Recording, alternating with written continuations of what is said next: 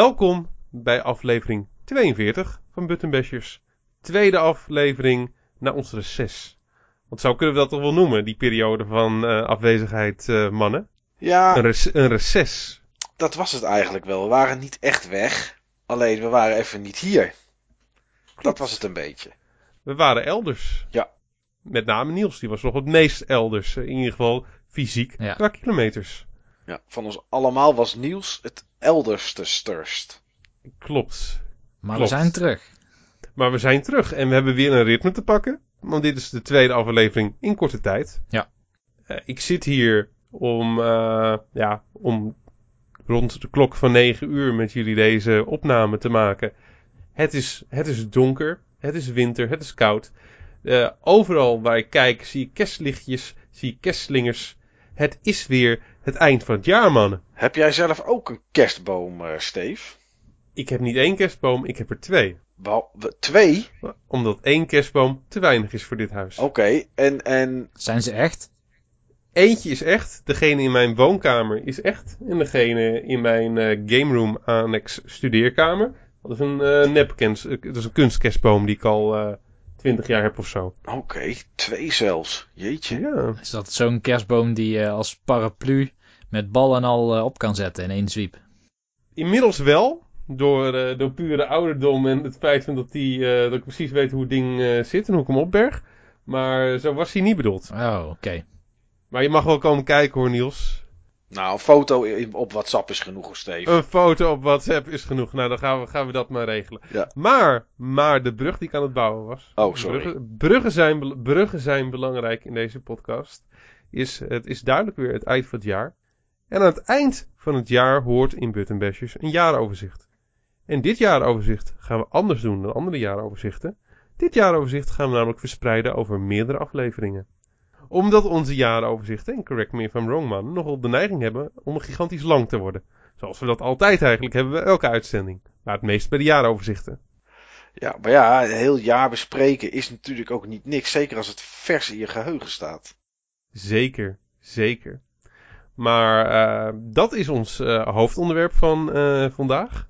En we willen dat samenvatten als Next Gen, de stand van zaken over 2014. Maar voordat we daar uitgebreid over gaan hebben, gaan we natuurlijk eerst eventjes terugblikken naar de laatste weken.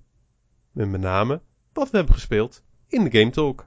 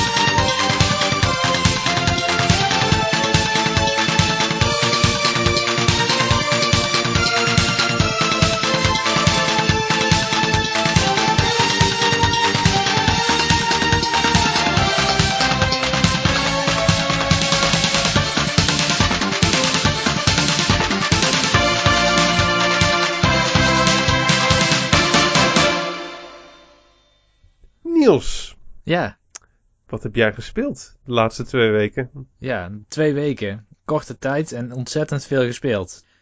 Ehm, ik, heb, eh, ik ben opnieuw begonnen met Fire Emblem Sacred Stones. Eh, best wel ver al, chapter 10. En wat ik deze keer anders doe dan mijn vorige playthrough is dat ik de Eirika-route neem.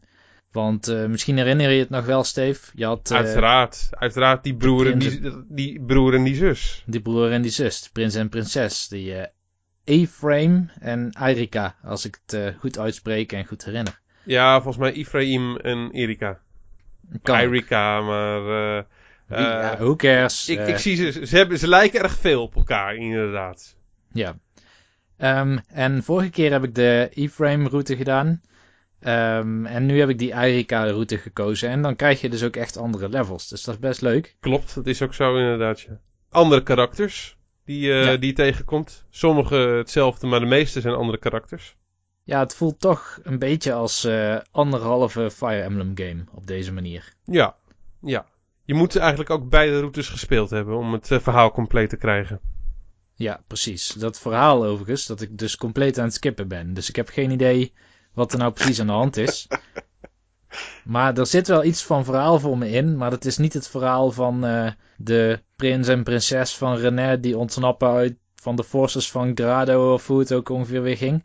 Maar dat is het verhaal van uh, krijgsheer Niels die uh, twee Pegasus Knights erop uitstuurde om een kind te redden van een enorme spin. Een moeilijke beslissing maakte of dat ik wel of niet de thief mee zou nemen op de nieuwe quest. Want ja, het is wel de weakest link in een battle. Maar ja, je kan zo mooie juwelen vinden in die kisten. Dat is het verhaal waar, waar ik warm van word in Fire Emblem en waardoor ik het zo graag speel.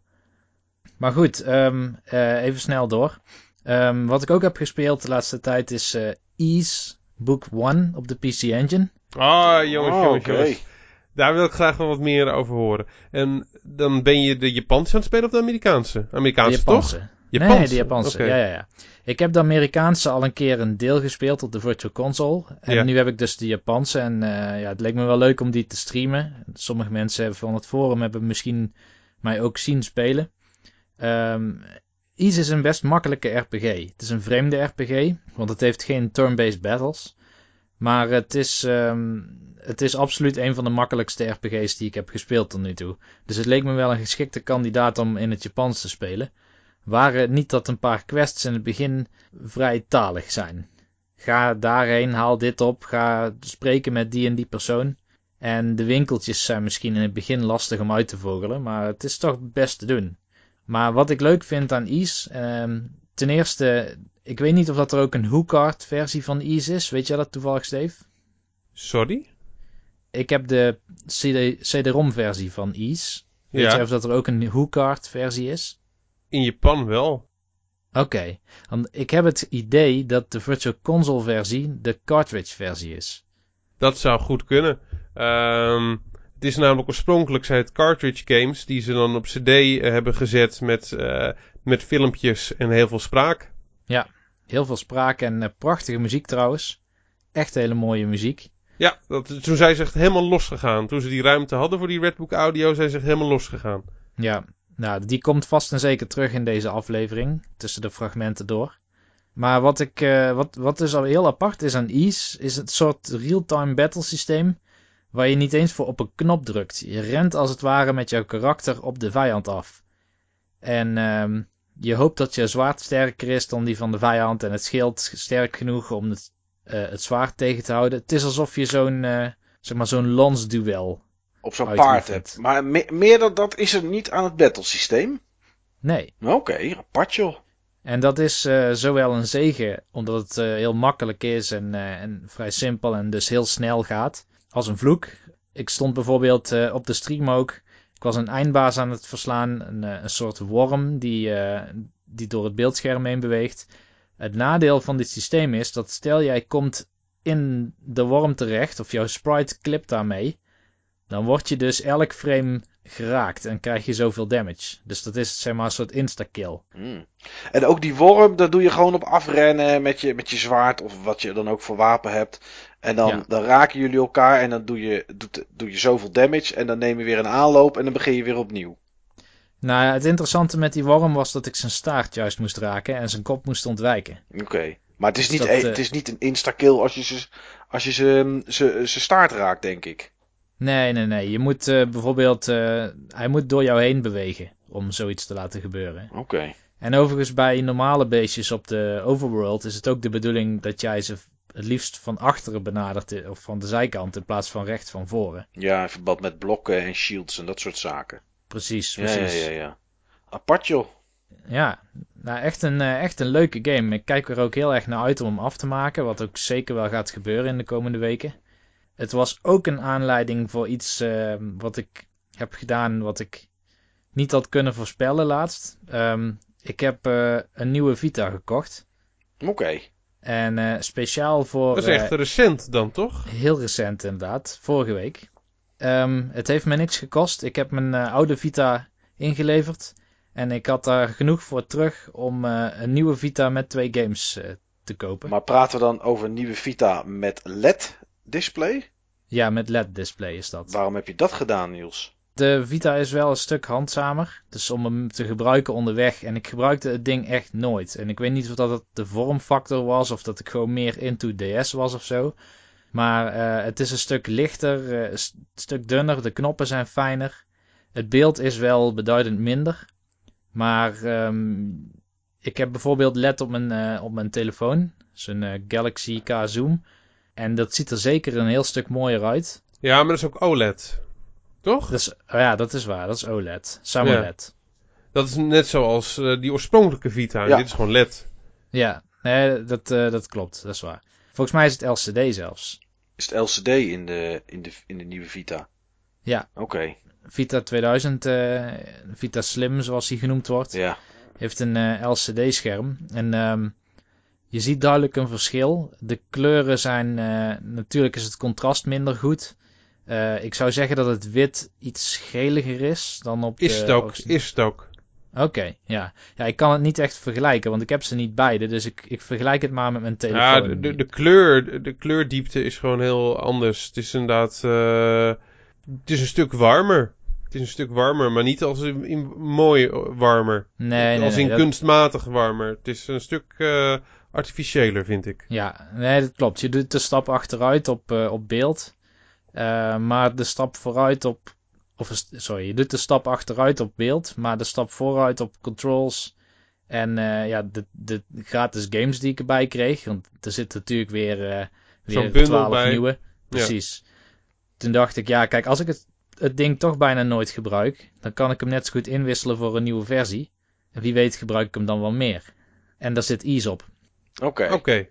Ja, iets Celceta. Maar uh, ja, ik moet dat nog allemaal gebruiken, dus dat komt wel een andere keer.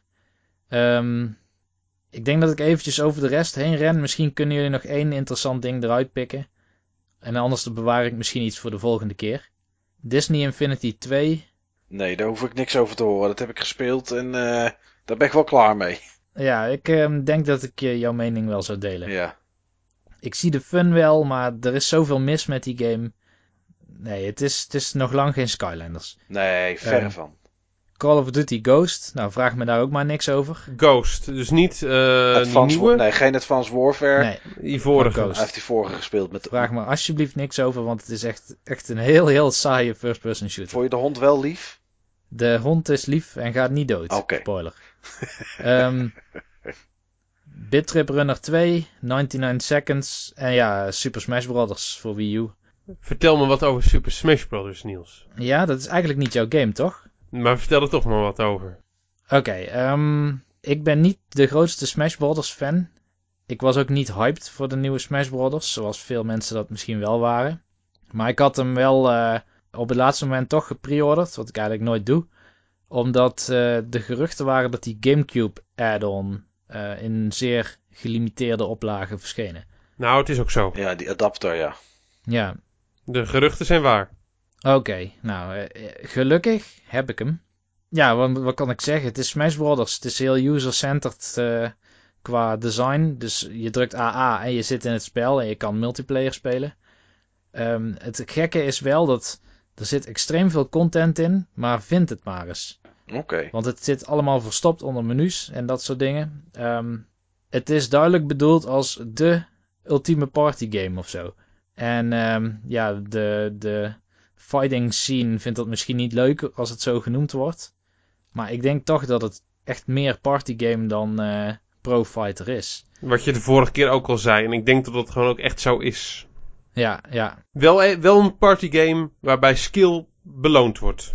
Ja, absoluut. En de, de, de fighting scene die gebruikt dat skill element ook om er een competitieve scene omheen te, te creëren. En dat lukt ze goed, want uh, volgens mij staan ze voor het tweede of derde jaar op een rij op Evo nou met een Smash Brothers game. Maar goed, uh, um, ik moet wel zeggen, ik vind het een zeer leuke game. Um, het klikt meer dan de vorige Smash Brothers uh, gedaan hebben bij mij. Um, het heeft heel erg dat one more game element. Oké, okay, nou dat is wel goed. Ja, normaal speel ik niet te lang local multiplayer games. Ik word ze snel zat. Uh, maar bij dit spel had ik op een gegeven moment dat ik zei tegen een neef van mij: Zullen we even Smash Brothers doen? Zei ik rond een uur of elf s'avonds. En om uh, kwart over drie stopten we pas. Nou. Dus er zit, ja, je wilt toch steeds nieuw proberen. Uh, ik heb een paar van die amiibo's erbij, die voegen overigens weinig toe. Uh, behalve dat je extreem sterke CPU's daarvan krijgt. Maar um, nee, ik vind het een prima game. Um, ik heb alle karakters en stages unlocked en weet niet of dat ik wel gemotiveerd genoeg ben om al die challenges ook uit te voeren om echt alles te unlocken. Dat is gewoon te veel werk. Daarvoor is het niet mijn type game. Maar uh, nee, prima. Dat is eigenlijk ook bedoeld voor de mensen die het helemaal fantastisch vinden. Ja, dat denk ik ook, ja. Oké, nee, ik heb eigenlijk weinig vragen erover, Niels. Uh... Het is ook niet jouw game, denk ik, hè? Nee, ik vind het te chaotisch. Ja. En uh, er is nog wel iets anders mis mee in mijn ogen, maar daar komen we straks wel op, denk ik. Oké, prima. Ik uh, denk dat dat uh, straks is als in het, bij het hoofdonderwerp. Dat zeker weten. Ah, oké. Ja, ja, ja. Oké. Ik ben benieuwd. Zal ik het stokje doorpassen dan? Ja, dat is ja prima. pas, pas jij het stokje ze door. Michael, ik paas het stokje naar jou. Oké, nou dan neem ik het wat heb jij gespeeld stokje over. Ik weet eigenlijk niet zo goed wat ik de afgelopen twee weken heb gespeeld, moet ik heel eerlijk zeggen. Het is een beetje in een waas aan mij voorbij gegaan. Uh, twee dingen die. Was de cocaïne weer in de aanbieding in Enschede? Nee, nee, nee, nee. Het was dit keer was het de heroïne. En daar, oh, okay. uh, daar ben ik niet zo van. Dat is net even... Van, jij, ben, jij, bent meer van de whites dan van de browns. Ja, bruin dat is net even iets te verslavend. Daar uh, kom ik wat lastiger vanaf. Ja. Maar uh, ja, wat ik in ieder geval gespeeld heb is uh, Lego Indiana Jones 2 op de PS3.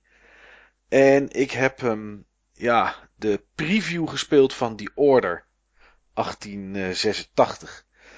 En, uh, ja. Mag je daar ook iets over zeggen? Ja, daar mag ik wat over vertellen. Er zit geen embargo op de, op de preview. Kijk ik, heb, ik heb die order ook uh, gespeeld op First Look een tijdje geleden. En dat was in de periode dat we geen podcasts hadden. Dus daar heb ik ook nooit iets over kunnen zeggen. Oké, okay, nou ik zal uh, vertellen wat ik ervan vind. Ja. Uh, het is natuurlijk een preview, dus weet, ik weet niet hoe het straks uitpakt. Of het mijn bevindingen en gevoelens bij deze game, of die straks ook in februari op die manier tot uiting komen. Ehm, ik weet dat die order een lineaire game is. Daar heb ik vrede mee. Dat is allemaal, uh, dat is allemaal prima. Maar dit is eigenlijk lineair 2.0. Zoals uh, die order is. En lineair 2.0 gaat met net even een stapje te ver. Ik krijg het gevoel als ik die game speel dat de gamer niet serieus genomen wordt in het feit dat hij zelf een beslissing kan nemen. Um, de game neemt namelijk van wat ik tot nu toe gespeeld heb. En ik heb demo, of de preview moet ik zeggen, het is geen demo, preview twee keer uitgespeeld. Uh, de game neemt namelijk heel vaak en veel te veel het stokje over van de speler. Uh, de game bepaalt allerlei zaken voor je die je eigenlijk zelf wil bepalen om een beetje het gevoel te hebben dat je in controle bent. Ik zal een voorbeeld noemen. Je loopt gewoon rustig rechtop, niks aan de hand. Het blijkt dat er tegenstanders in de buurt zijn. En zonder dat je daar zelf voor iets hoeft te doen, gaat jouw karakter automatisch sneaken. Die gaat in één keer half gebukt lopen. En, uh, uh, want er zijn tegenstanders in de buurt. Dat normaal, veelal heb je tegenwoordig een radar, hè, dat je kan zien waar tegenstanders lopen. Nou, die is er niet. Hier doen ze dat dus door jou te laten sneaken. Dan ga je dus in één keer een stuk langzamer lopen. Kom je redelijk dicht in de buurt van een muur, gaat hij ook automatisch in cover. Dan gaat hij zelf tegen de muur aanstaan of gaat hij bukken bij een reling. En om daar weer uit te komen, is het niet naar links houden of naar rechts en dan op een knopje drukken. Nee, je moet de, de stick van de controle naar je toe trekken. Dus zeg maar op, op de camera aflopen. En dan maakt hij een soort van sprongetje iets of zo. Heel vreemd. Um, een ander dingetje is waar ik me echt aan irriteer. Is als ik bij een ladder sta. En het is maar een ladder, ik weet het. Maar ik sta bij een ladder, dan moet je op een knop drukken om die ladder beter te pakken. Hoef je ook niet zelf te lopen. Dat doet de game wel voor jou, want die vindt toch dat je maar één kant op kan. Uh, daarbij stikt het in ieder geval in de preview, dus ik vrees ook in de game straks van de quicktime events. Nou. Maar ook hele domme quicktime events. Op een gegeven moment stond ik ergens bij een, uh, bij een cockpit van de, uh, van de Zeppelin die ik moest overnemen. En toen kreeg ik een, een, een, een granaat, een grenade kreeg ik, een, een smoke grenade kreeg ik in mijn handen gedrukt. En die moest ik naar binnen, naar binnen gooien. En dan moest ik op het, vier, op het op knopje drukken, volgens mij was het driehoekje. En dan zei die drie.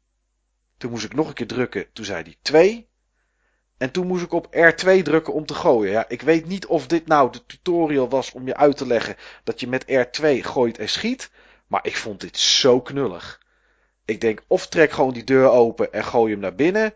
Of ja, doe iets anders. Maar dit vond ik wel zo verschrikkelijk makkelijk. Nou ja, een stukje verderop had ik net zoiets. Ik moest uh, tussen de guards die er stonden, zaten twee rebellen. Die moest ik ontmaskeren door naar ze te kijken. En uh, nou ja, dan zag je of ze een embleem hadden of niet. Toen moest ik ze, moest ik ze neersniperen. Maar ik kon alleen maar die twee neersniperen. Ik kon niet een echte guard neerschieten. Of iemand die daar rondliep als persoon. Mijn enige keuze was op die twee personages schieten. Dan snap ik wel dat dat de twee personages zijn die ik neer moet schieten. Maar laat me in ieder geval de fout maken door een verkeerde guard neer te schieten of iets. Weet je, geef me een beetje het gevoel dat ik iets kan.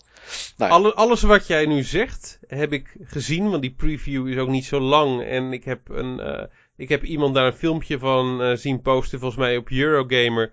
Met ook het advies om voorlopig even niet te pre-orderen. Want hij was er allemaal niet zo zeker van. Nee, nou dat is, uh, dat is precies dat. Wel knap dat ze dat gedaan hebben, want je mag, ik mag geen footage maken. Er is wel een b-roll, daar mag je stukjes uithalen. Ja, een van, de redenen, een van de redenen waarom je geen, niet zelf footage mag uh, maken, is omdat de preview versie die jij hebt gekregen vol zit met bugs. Ja, klopt. Ik kreeg er een, ik kreeg er een, uh, een document bij waarin stonden waar bugs konden plaatsvinden. Daar heb ik uh, gelukkig geen last van gehad. Je kon door de wereld heen vallen en er waren plekken waar je wapens niet werkten. was een 10% kans. Um, dat, dat, dat dat gebeurde. Uh, maar daar heb ik gelukkig allemaal geen last van gehad. Maar ja, heel veel dan loop je. En dan, nou, dan kan je de controle neerleggen. Want dan loopt hij zelf een stuk door. En gaat hij bukken. En uh, gaat hij dat soort dingen zitten doen. Het is, het is heel verhalend. Dat is dan wel, tenminste van wat ik nu gezien heb. Dus dat is, dat is leuk. Maar het gaat net even een stapje te ver. Uh, en ik vind het jammer. Want als één ding die orde wel is.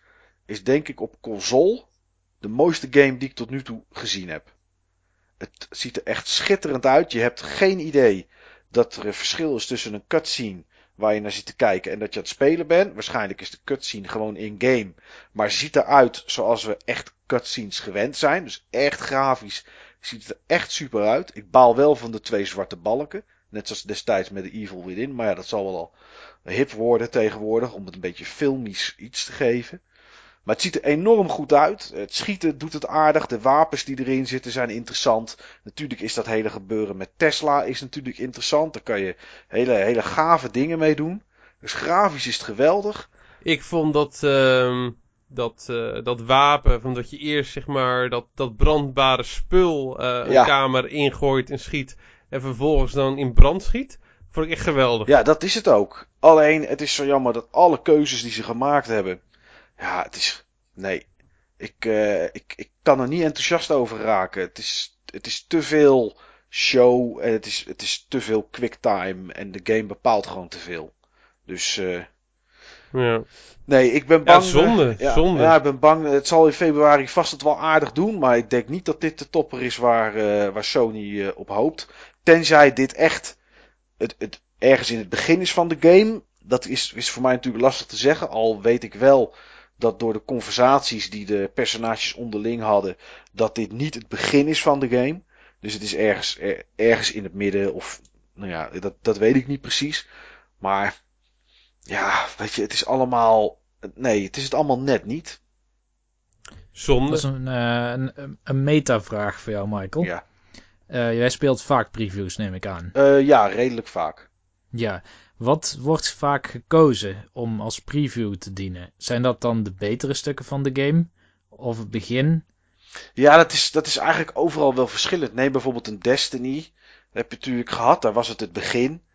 Ja. Um, neem die order, dan weet ik niet in welk gedeelte het zit. Maar het showcased wel in dit geval alles. Het, het, het sneaken en uh, mensen stealth neerhalen.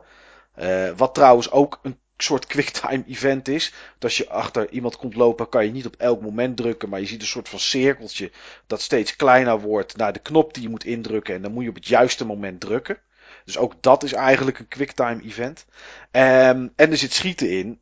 Dus dit, dit showcased eigenlijk alles.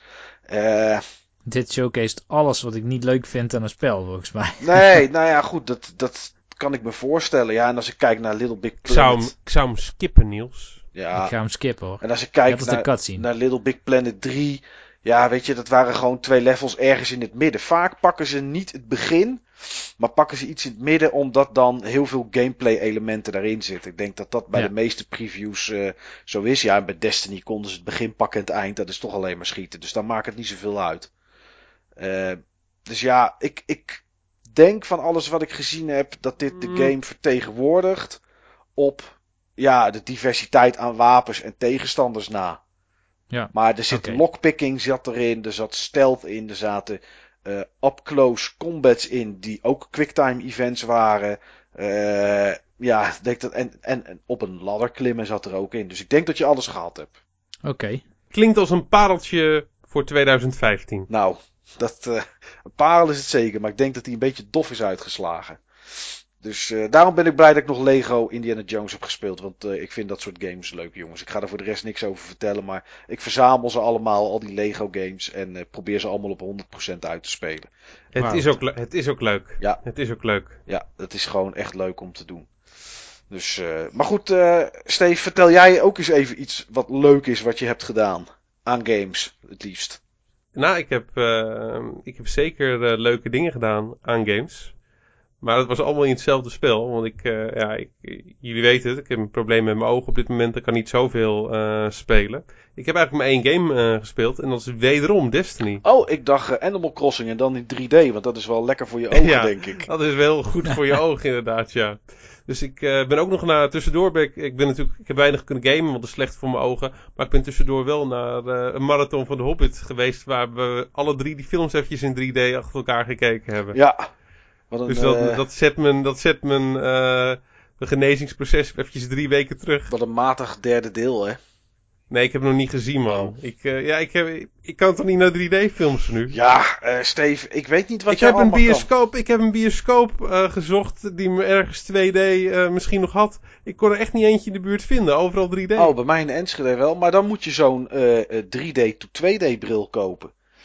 Die zijn er ook, van die plastic brillen. Die zijn speciaal voor mensen die geen 3D willen kijken. En dan stoppen ze, hebben ze gewoon twee linker of twee rechterglaasjes in één bril gestopt. En dan zie je dus, eh, dan zie je dus in 2D, ook al wordt de film in 3D uitgezonden. Oké. Nou, ik, eh, ik zie hem nog wel eh, binnenkort een keer, joh. In eh, januari draait hij ook nog wel in de bioscoop. Ah, wel ja, en je mist niks. Oké, nou goed om te horen. maar Maar hij is toch gaaf? Hij is toch juist gaaf? Nee, het. Ja, we zijn geen. We zijn natuurlijk buttonbashers, geen filmbashers. Maar het, het is gewoon in het derde deel overduidelijk dat het boek te dun was voor de drie delen. En dat was het in die vorige twee films misschien al, maar als je ze alle drie achter elkaar ziet. En het laatste uur van het derde deel is één grote battle. Dan word je er op een gegeven moment echt een beetje moe van. En dan denk je, ja jongens, get it over with, weet je. Het is, eh, het is te dun. Het, Maar het was ook een heel dun boekje. ja, dat zeg ik. Het was gewoon. Het Ja, het boek was ook echt een dun boekje. ze wilden ook eerst één film maken, maar ja. eh, Toen werd het er twee en toen werd het er drie. ja, money makes the world go round. And money makes the world go round. Maar goed, Destiny. Dat makes, Destiny. eh, that makes jouw world go round. Nou, deze, deze week in ieder geval wel. Want de DLC is uitgekomen. Ik noem het gewoon DLC. Bungie noemt het een expansion. Ja.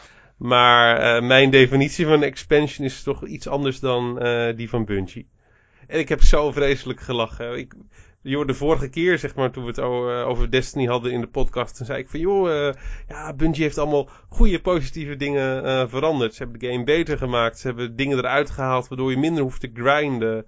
Ze hebben dingen, ze hebben dingen toegevoegd waardoor je sneller je wapens kan, eh, kan upgraden. Je kan nu ook, dus, eh, je kan nu ook upgrade materials kopen in de tower. In plaats van dat je eindeloos door die spelwereld hoeft eh, te lopen om die dingen dan, dan te vinden. Echt allemaal positieve, goede veranderingen. En die heeft Bungie bij deze uitbreiding voor een groot deel allemaal teniet gedaan. Zo vreselijk mooi. Echt alsof er gewoon twee compleet andere teams aan dezelfde game ehm, werken. En een totaal ander pad allebei hebben gekozen. Oké. Ja, ehm, in deze expansion ehm, kun je in plaats van level 30 level 32 worden. En dat, maar om dat te doen moet je wel andere gear hebben. Want je level wordt na level 20 bepaald door je gear. En is dat weer light eh, gear wat je nodig hebt? Ja. Oké. Ja. Dus je, uh, al je gear waar je zeg maar super hard voor hebt uh, gewerkt um, uh, in, het, in het vanilla spel, in het oorspronkelijke spel, waarvoor ik een stuk of zes tot zeven keer de raid heb gedaan. En waarvoor ik echt veel geluk heb gehad dat ik het bij elkaar heb kunnen schrapen met de stats die ik ook wou. En dat ik echt super blij uh, was dat ik het uiteindelijk had. Het ziet er super sexy uit met de shader die ik uh, eroverheen heb gegooid. En dat voelt echt gewoon als mijn warlock, mijn level 30 warlock. Die is nu totaal useless. Mooi want man. Waar ik, ja, want ik, waar ik zeg maar, geloof ik, uh, 140 tot 160 uur hebben gespendeerd in mijn Warlock. Waarvan denk ik zo'n 60 tot 70 uur in de stap van level 28 naar level 30. Um, daarbij kon ik voor mijn Titan, die ik net een paar dagen had. En die ik zeg maar in een uurtje hier, een uurtje daar op level 20 had uh, gebracht. En waarvan ik toevallig nog wat, wat random loot had gekregen hier en daar. Waardoor hij eigenlijk van level 20 direct level 26 kon, kan worden. Die had ik vrij snel op, uh, op level 28. En vervolgens heb ik zeg maar door gear te kopen in de tower. Met, uh, met uh, alle currencies die ik toevallig had. Omdat ik ze nog niet had uitgegeven. Waar veel andere mensen ze juist hadden uitgegeven. En al die upgrade materials die je normaal gesproken dus moest vinden. En die je nu gewoon kon kopen in de tower. Gelukkig had ik al mijn geld nog. En kon ik nu level 31 gear kopen. Oké, okay, dus je was er vrij snel. Ja, ik was er gewoon echt vrij snel. Ik kon zeg maar de dingen kopen uh, die ik nodig had op een, op een helm na. En ik, ik, kreeg een hele goede helm uh, echt random vrijdag bij zeg maar de weekend salesman die alleen in de weekends is. Xur, die verkoopt exotics. Die kun je kopen met een bepaalde currency. Maar je hebt ook een soort met van ja, gok gebeuren. Dan gebruik je weer een andere currency. En dan kan je een random item kopen. En dit was dan een random helm. En ik kreeg, ik kreeg precies het soort helm wat ik nodig had voor een Titan. Dus uh, ik had uh, vrijdag opeens zeg maar alles wat ik nodig had om level 31 te worden. Vervolgens dit weekend hier en daar wat, uh, wat grinden om ervoor te zorgen dat er ook XP op die loot komt. En ik was level 31 in een paar uur. Nou. Waar ik echt gewoon tientallen uren gespendeerd had in mijn Warlock om level 30 te worden. Vreemd genoeg vinden mensen dat niet zo heel erg tof. Als je dat zo doet. Nee. Oh. En wat krijg je dan haters?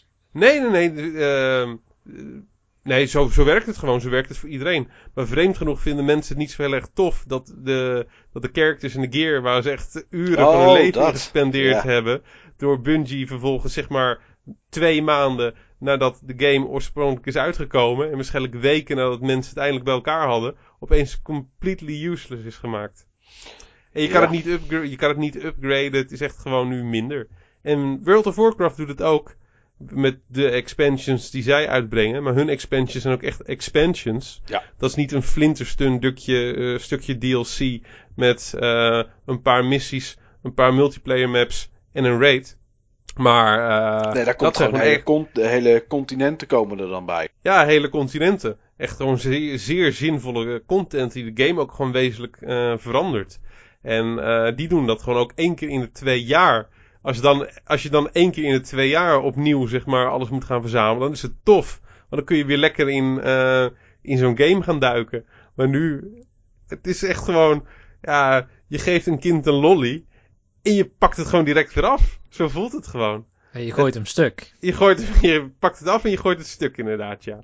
En je stampt er nog een paar keer op en vervolgens lach je en het kind. En dan spuug je nog een keer. ja, precies. In zijn gezicht. Dus, ja, het is gewoon, het is gewoon net alsof die gasten van Bungie, alsof, de, alsof die gewoon nooit een MMO hebben gespeeld.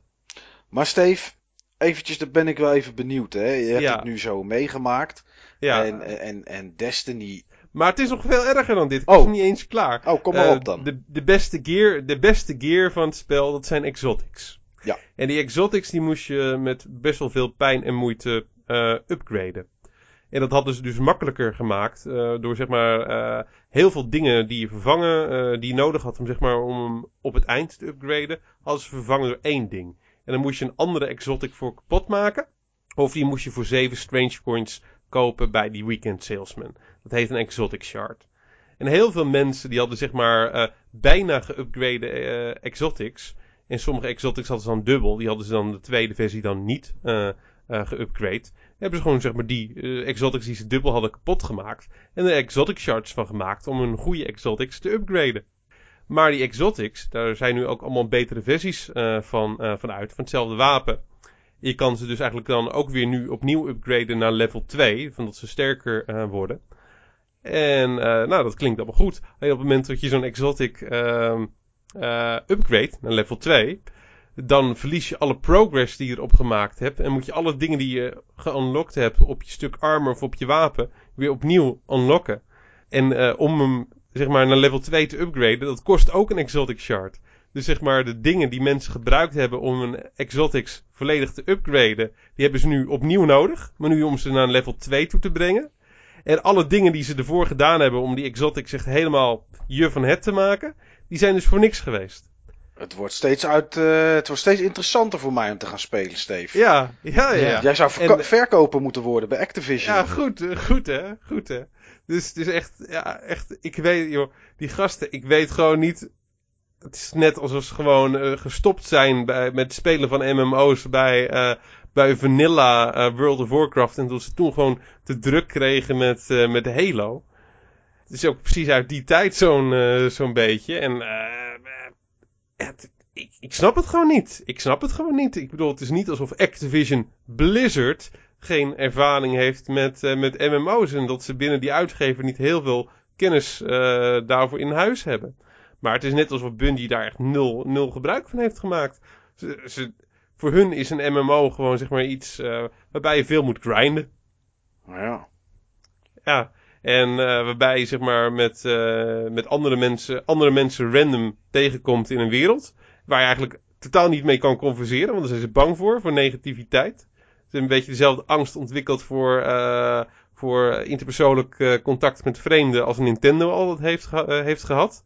En daar kan ik me iets bij voorstellen, want het zijn kinderen. Maar ja, alle default opties om zeg maar met de mensen met wie je dan gematcht wordt om bepaalde dingen te doen, te converseren, die staan uit. En tegenwoordig kun je dat aanzetten tot je alsnog dan met vreemden kan praten. Alleen iedereen vergeet dat, omdat dan moet je een actie voor uitvoeren. En heel veel mensen weten niet eens wat het kan of weten niet eens waar dat zit. Dus uh, dat is allemaal niet, niet zo heel erg positief. Nee, dat begrijp ik. ja, maar, maar, um, de uitermate dunne content die er in die DLC uh, zit. Uh, dat is voor een heel groot deel uh, wegwerpcontent. Maar de kern van de content, de nieuwe raid die ze hebben toegevoegd, is fucking briljant. Oké. Okay. Is fucking briljant. Heeft een paar van de beste gaming momenten opgeleverd die ik ooit heb meegemaakt in mijn ja, ruim 25-jarige gaming carrière. Oké, okay, nou okay. doen ze toch iets goed. Dat doen ze echt helemaal goed. En dat is echt gewoon zo jammer. Het is echt gewoon. Uh, ze doen zulke geweldige dingen en zulke intens, intens domme dingen. Dus, uh, maar die raid, uh, die heb ik dit weekend dus ook gehaald met, met, met vrienden in, in delen. We hadden zeg maar eerder deze week hadden we een stukje gespeeld. Later deze week hadden we een stukje gespeeld. En dit weekend hebben we hem dan gehaald. Maar het moment ook van toen we die raid uitspeelden, want het is echt moeilijk. En um, ja, het soort coördinatie wat erbij komt kijken. De manier hoe je als team er gewoon in groeit. Hoe je als team uh, ja, je taken vervult. En hoe je als team ook gewoon blij bent uh, om de boel te halen. Nou, dat is echt wel, uh, dat is echt wel intens. Oké. Okay. Dat, is echt, dat is echt wel intens. En ook die, die, die hele nieuwe raid die ze dan gebouwd hebben. Hij heet, de, de expansion heet The Dark Below. En dat is eigenlijk vernoemd ook naar, naar de raid. je moet zeg maar eigenlijk uh, naar een, grote, duistere ruimte uh, ergens uh, in, in een grottencomplex in de maan. Waarbij, waar je inspringt via een kratercomplex. In eerste instantie ben je bij de opening zeg maar, van die raid een beetje een brug aan het bouwen. over een gigantische krater. En in die brug zit een gat. En dan spring je met z'n allen in dat gat. En dan val je met z'n allen, zeg maar, die duisternis in. En dan kom je in eerste instantie in een volledig donker gebied waar je helemaal niks kan zien behalve lichtjes in de verte. En dan loop je op de lichtjes in de verte uh, af, terwijl je aan alle kanten aangevallen wordt door, uh, door vijanden. En een soort met van keurs op je gekast wordt, waardoor je niet meer kan rennen. En tot je eigenlijk in een soort met van phalanx uh, vorm dan zeg maar daar naar ieder lichtje in de verte moet lopen, terwijl je aan alle kanten dan aangevallen wordt. Echt super intens. Dan kom je zeg maar aan het eind van een ravijn weer. Dan moet je bij zo'n ravijn weer een brug bouwen. En dan word je aan alle kanten afgemaakt. En uh, op het moment dat één persoon, op het moment dat de brug er is, het eind van de brug haalt. Naar het licht toe, naar het licht. En een soort met echt van een tunnel van licht.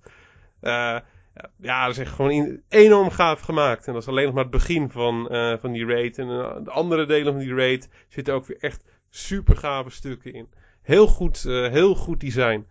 En dat staat gewoon zo haaks met alle andere stomme designkeuzes die er in die game gemaakt worden. Enerzijds denk je van, joh, ze kunnen het wel. Alleen, ze weten nog niet helemaal van hoe ze het eruit moeten halen voor dit genre. En wat um, een shooter die gecombineerd is met een MMO nou echt vraagt. Oké. Nou, wat ik, net, wat ik net wilde vragen, Steve het is een project van 10 jaar, hebben ze ooit een keer gezegd. Dan zal, ja.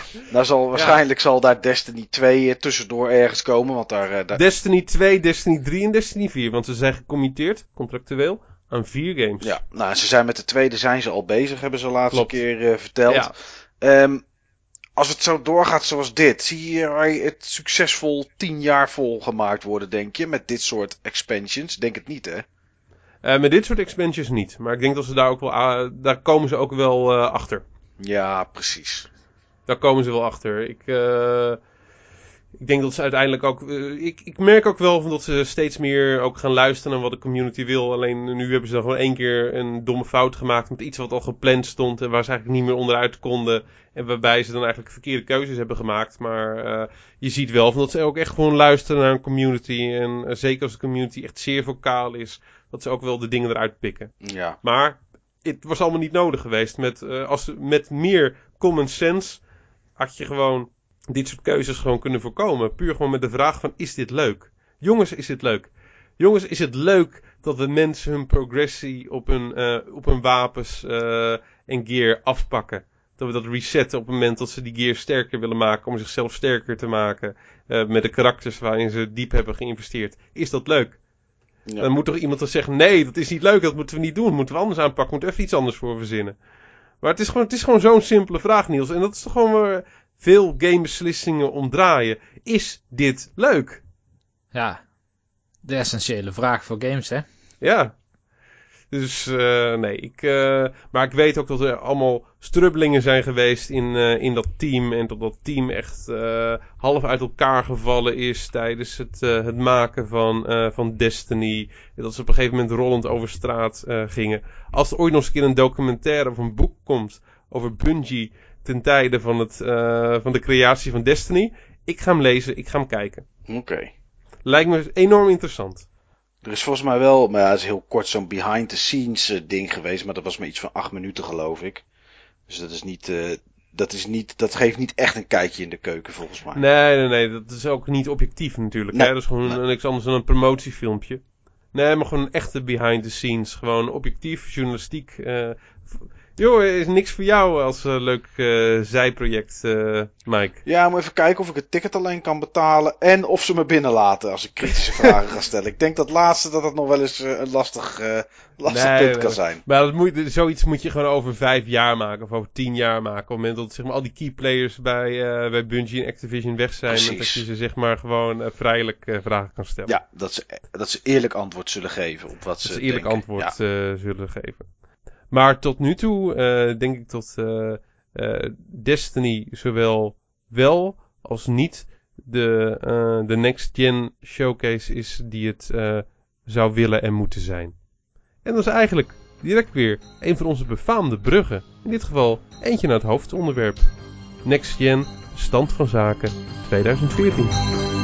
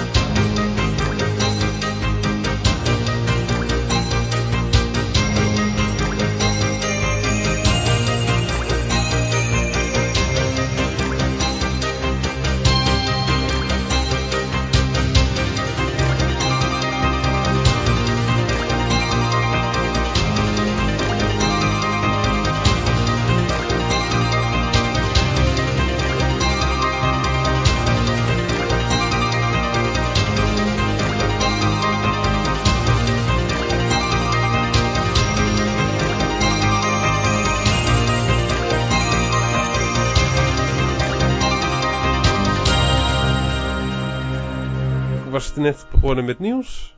Dus dan ga ik nu jou het woord geven, Mike. Om als eerste jou korte kijk te geven op het gamejaar 2014. Waar we zo meteen uitgebreid verder een verdiepingsslag op gaan maken.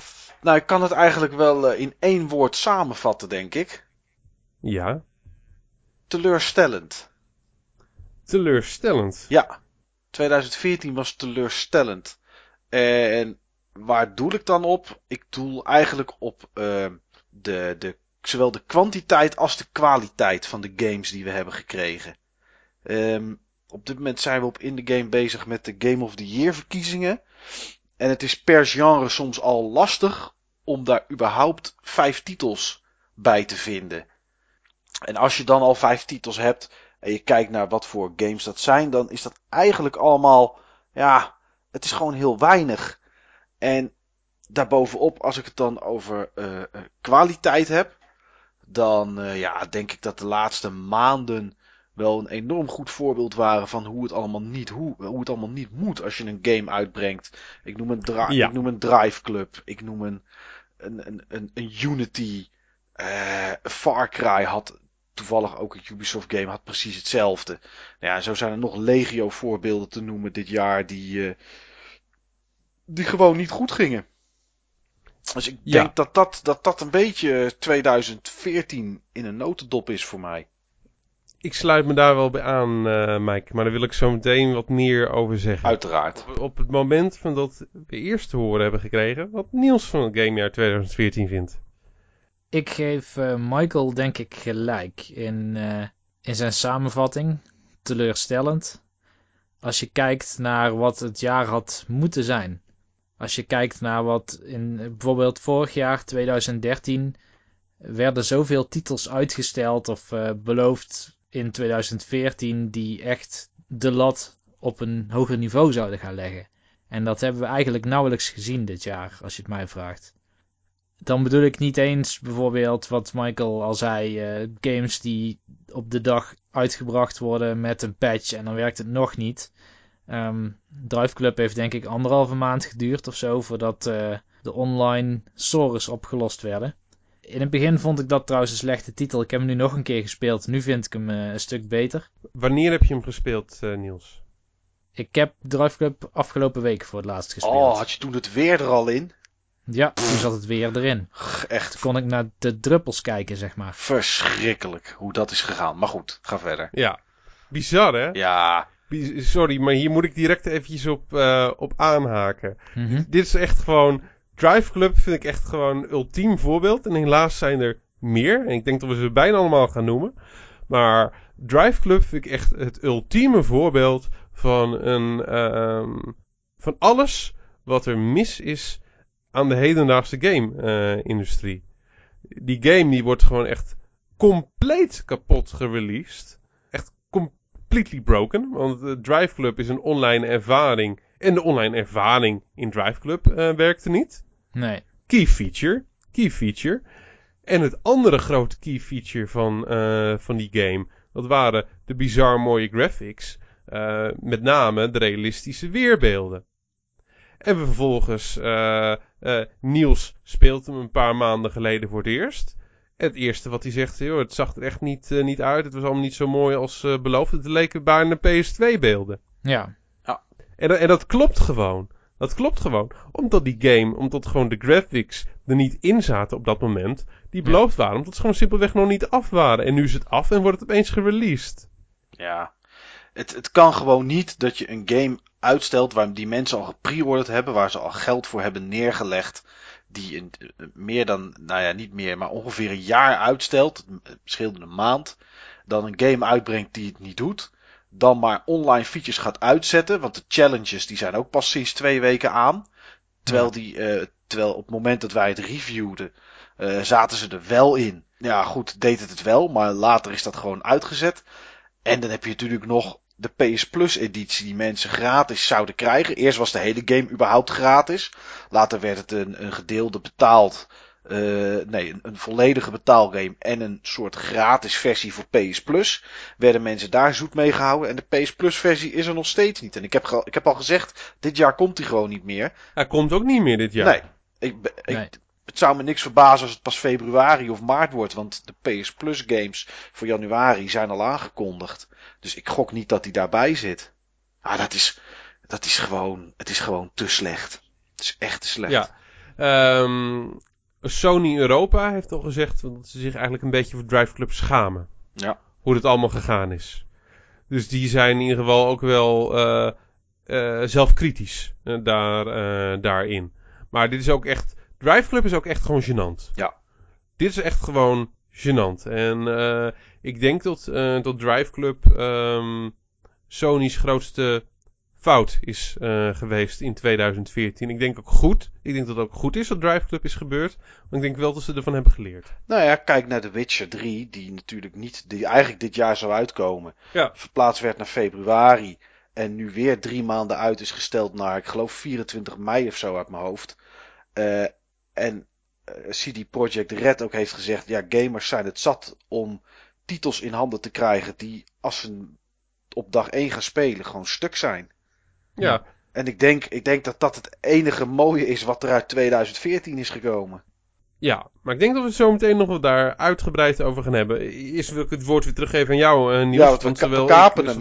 We kapen, we kapen jouw stuk. Het is een discussie natuurlijk. Ja. Uiteraard. Geen monoloog. Ja, en eh, een tweede ding is dat eh, veel games die dit jaar zijn uitgekomen hebben überhaupt de hype niet waargemaakt. Eh, dan noem ik bijvoorbeeld een Watch Dogs. Ja. Michael was er positief over. Klopt.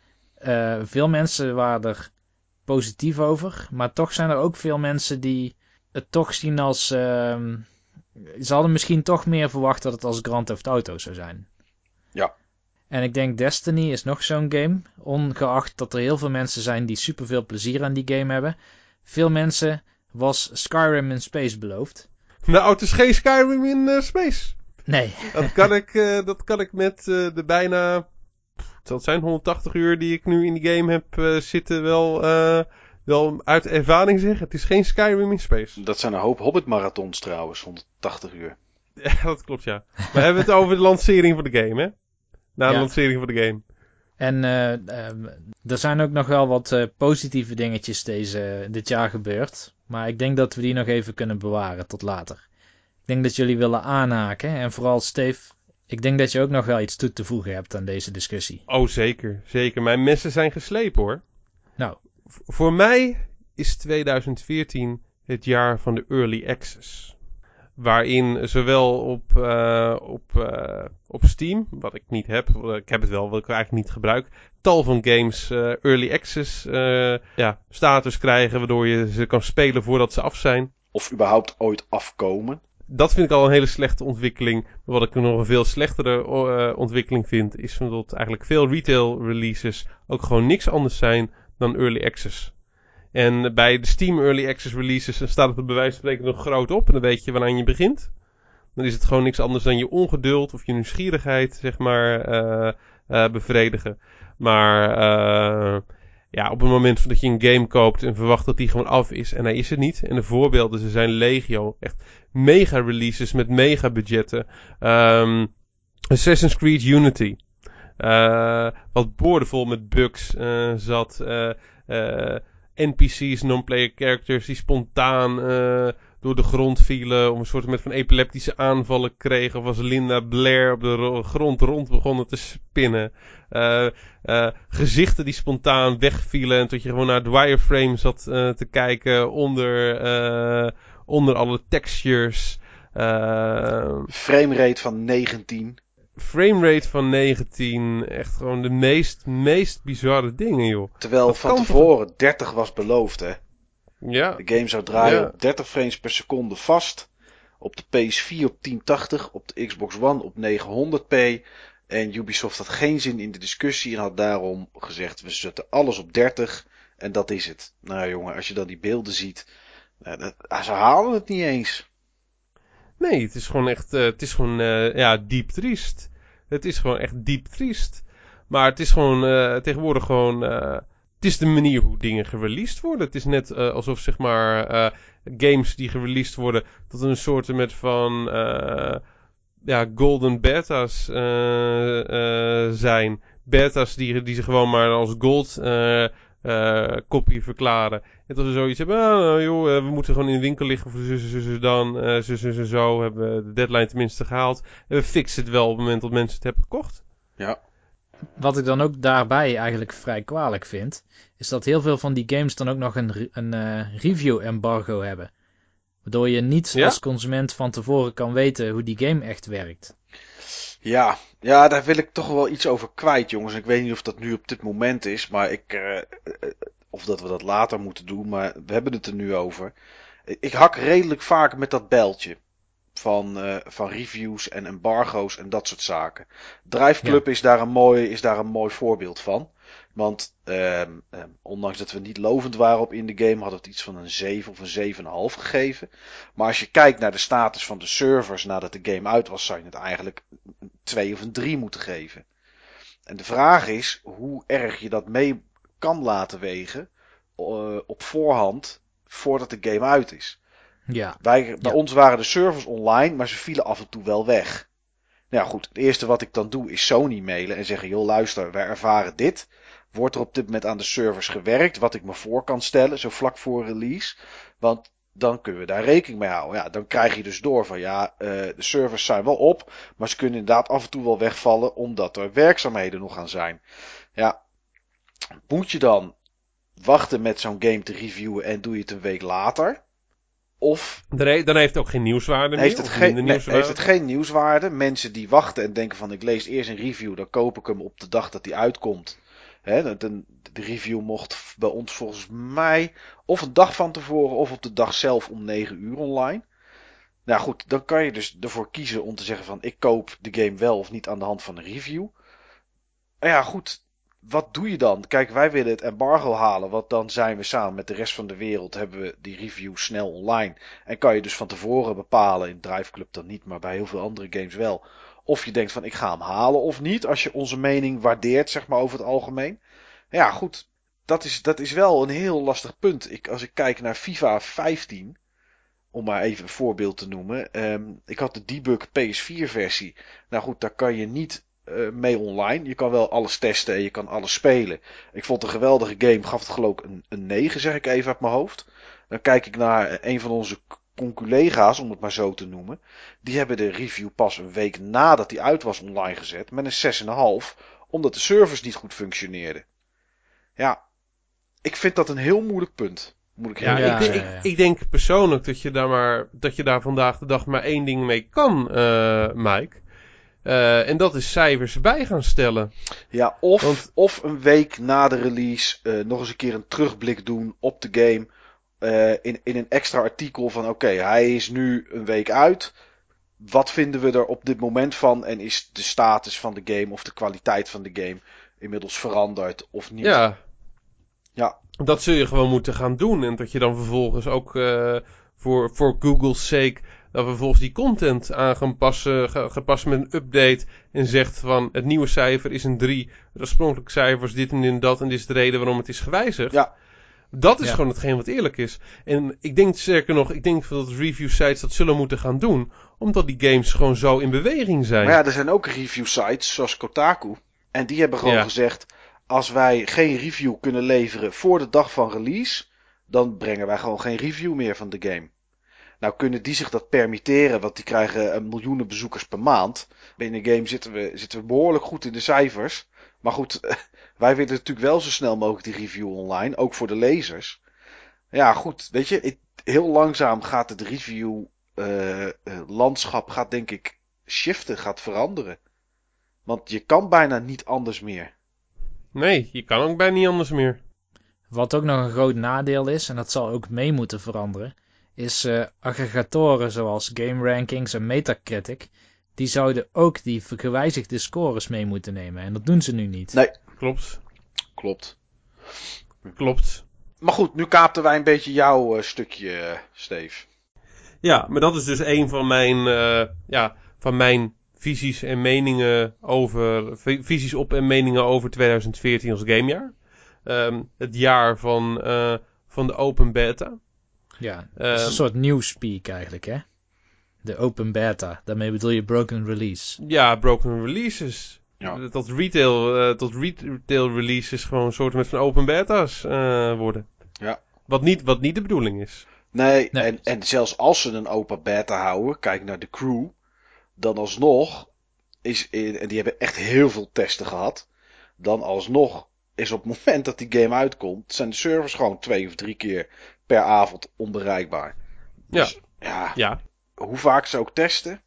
Ja, maar eh, dat, zijn, dat zijn nog games, daarvan kan je het begrijpen, omdat zijn zeg maar online games. Maar het is echt gewoon een ziekte op het moment dat zeg maar, de niet-online games eh, er ook gewoon eh, last van beginnen te krijgen. Het tot, tot Destiny op het moment dat eh, het launchdag is, dat daar een patch van 100 tot 200 MB voor klaar staat, dat begrijp ik wel. Ja. Want die, eh, die hebben zeg maar nog eh, op basis van een beta veel dingen geleerd, veel dingen bijgesteld. Eh moeten wat dingen gefixt worden met, eh, met servers en met eh, last minute dingen. Voor een online game snap ik dat nog wel. Wat trouwens En, een prima launch was, hè? Prima launch en het werkte uitstekend. Ja. Het werkte allemaal uitstekend. En ook de launch van de DLC, prima gedaan. Ze hadden het zo gedaan dat iedereen ruim een week van tevoren dan alle content dan binnen had gehaald. En dat ze alleen eventjes een update van 1 MB moesten binnenhalen op de dag zelf om de boel te unlocken. Ja. Nou, al- allemaal prima gedaan. Maar het ultieme voorbeeld van hoe dom het is op het moment. Want het zeg maar ook single-player games die gewoon echt kant-en-klaar af zouden kunnen en moeten zijn. eh, ook op deze manier broken zijn. Vind ik Lords of the Fallen. Ja. Lords of the Fallen had een day one patch van 4,7 gig. Ja. 4,7 gig. Dat is het fucking complete spel. Ja. Ja. Wat heb, wat heb je dan in hemelsnaam op die, eh, op die disk gezet?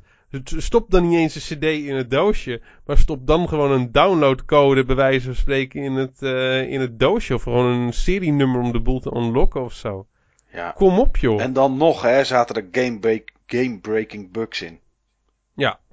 Overigens is na de, in ieder geval op Play- PlayStation 4, is na de patch van 4,7 gig geen nieuwe patch meer uitgekomen. Ik heb hem niet voorbij zien komen. Ik ook niet. Maar eh, eh, er zitten nog steeds die bugs in die ervoor kunnen Ja. zorgen dat je gewoon je hele game opnieuw moet beginnen.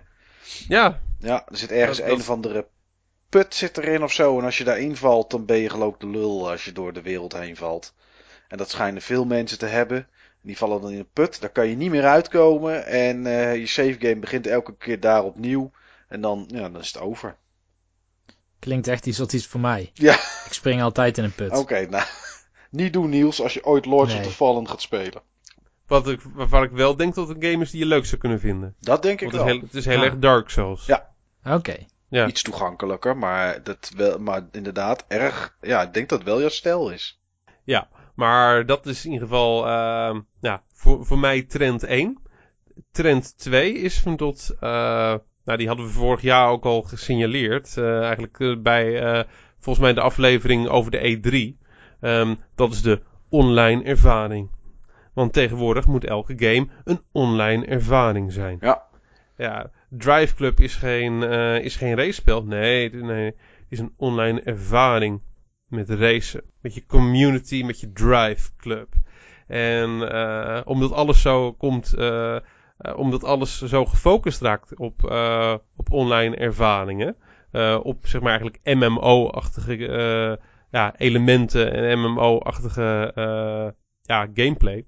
zorgt ervoor tot, tot ja, teams die eigenlijk nooit te maken hebben gehad met de technische aspecten van dit soort online games, daarmee te maken krijgen. Op een, met aantallen waar je ook echt de boel goed geregeld voor moet eh, hebben om dat te kunnen managen. En dan krijg je problemen zoals Drive Club. En waarbij je ook designbeslissingen moet maken voor de online aspecten, waar ze ook helemaal niet meer ervaren mee hoeven eh, te zijn. Ehm mooie metafoor. Ik ben, eh, ik ben manager van een internetafdeling. ik werk nu alles bij elkaar 14 eh, jaar in de internet zien, als het inmiddels niet bijna 15 jaar is. Ik weet heel veel van websites.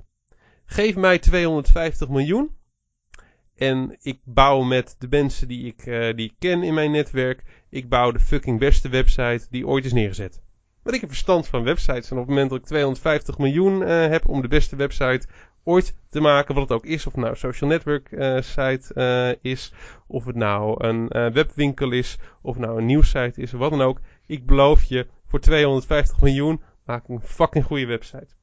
Maar geef mij 500 miljoen en vraag aan mij, bouw uh, werelds beste website en werelds beste auto.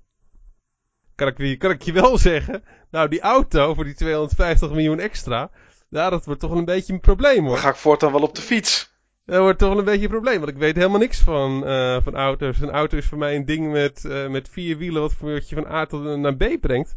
Maar gewoon wat, uh, wat aspecten zijn die belangrijk zijn voor een auto. Ik weet het niet. Ik zou in ieder geval, ik zou mensen niet adviseren om in de door mij gebouwde en ontworpen auto over die 250 miljoen te stappen. Nee. Dus wees gewaarschuwd, luisteraars. Ja. Ja, en dat is voor mij dus zeg maar, dit is voor mij de grote metafoor met, uh, met Des van Destiny met zijn 500 miljoen uh, budget. Je merkt gewoon aan alle aspecten Bungie. Ze weten gewoon fucking goed van hoe je een goede shooter maakt. Alle, alle shooting uh, elementen, shooter elementen die er in de game zitten zijn echt fucking briljant. Het is echt, het is echt de beste shooter van het, van het jaar. En uh, andere shooters viel eigenlijk ook allemaal uh, tegen. Maar het is echt een hele, hele goede shooter. Alleen de MMO-aspecten, ja, ik noemde het net al bij de Game Talk. De keuzes die ze maken zijn echt gewoon te dom om te poepen. Je merkt gewoon alles, daar hebben ze gewoon geen verstand van. En als je gewoon kijkt naar de games die allemaal uitgekomen zijn. En die ook die 2015 ook uit nog moeten gaan komen. Games als in de Division, nou, ik hou me hard vast hoor. Ja. Ik hou me hard vast. Ja, ik vrees daar ook voor. Ja, en het is allemaal, het, het, klonk allemaal zo goed, zeg maar, bij de E3 uh, 2013. Toen we al deze dingen uh, voor het eerst uh, zagen, dit soort online ervaringen. Maar toen wisten we, ik had er echt zin in. Het is niet voor niks dat ik mijn, mijn internet ook geüpgrade heb dit, dit jaar om games zoals Destiny nog beter te kunnen spelen. Maar ja, ik denk dat het nog wel eventjes duurt voordat deze games ook op het niveau uh, zijn wat we van ze vragen. Omdat eerst de makers van deze games ervaren moeten worden met de aspecten waar ze nu nog niet ervaren mee zijn. Of in ieder geval niet ervaren genoeg. Nou, ik zat toevallig van de week een artikel te lezen dat, uh, dat het heel langzaam lijkt dat er heel veel ontwikkelaars toch weer teruggaan naar een rijkere single-player ervaring. En uh, het, het, de multiplayer misschien wel helemaal laten vallen. En ik heb het gevoel dat als dat gaat gebeuren, dat we straks een, een heftigere scheiding krijgen. Tussen games zoals Evolve en Fable Legends. Die echt, en Destiny. Die echt puur alleen maar online te spelen zijn. Uh, Titanfall, uh, noem het maar op. Als Titanfall ook wel offline te spelen, maar dat had je er niet zoveel aan. En games die echt gewoon puur op single player gericht zijn. Ik denk dat, het, dat, dat we daar nog wel een keer naartoe gaan. Maar het, het zal nog even, even duren voordat uh, grotere bedrijven dat inzien, denk ik. Ja, want laat ik hem direct eventjes noemen. Een van de verrassingen van het jaar. Die waarschijnlijk uh, hoog in de uh, Game of the Year lijstjes gaat, gaat, gaat staan en goed gaat scoren. Shadow of Mordor. Ja. Out of the Echt, blue. Out of the blue Shadow of Mordor. En ook gewoon een typische volledig singleplayer geënte game. Ja. Waar ik ook niet echt grote problemen over heb gehoord of gelezen. Want die waren er namelijk niet. Nee. Die game was gewoon af. Ja. En natuurlijk had hij hier en daar een bugje, maar dat waren gewoon bugjes en die werden ook allemaal vrij snel opgelost. Ja. Nee, dat is ook zo. Dat is, uh, daar heb je helemaal gelijk in. En dat is, ik denk dat we dat in de toekomst wat meer gaan zien. Ik hoop het, ik hoop het. Want je hebt nu ook games en die zijn eigenlijk singleplayer. Maar die hebben om een of andere reden een online connectie nodig.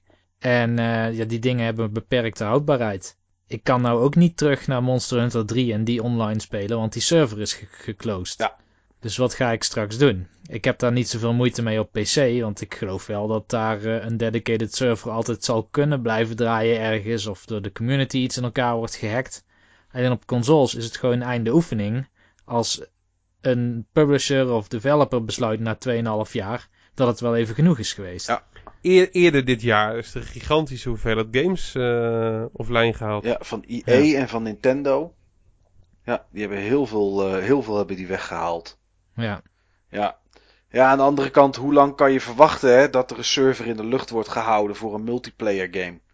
Mag je, mag je verwachten dat als je een titel koopt voor 60 euro, dat je vijf jaar lang online kan blijven spelen, mag je verwachten dat je drie jaar lang online kan spelen, tot het nieuwe deel uitkomt.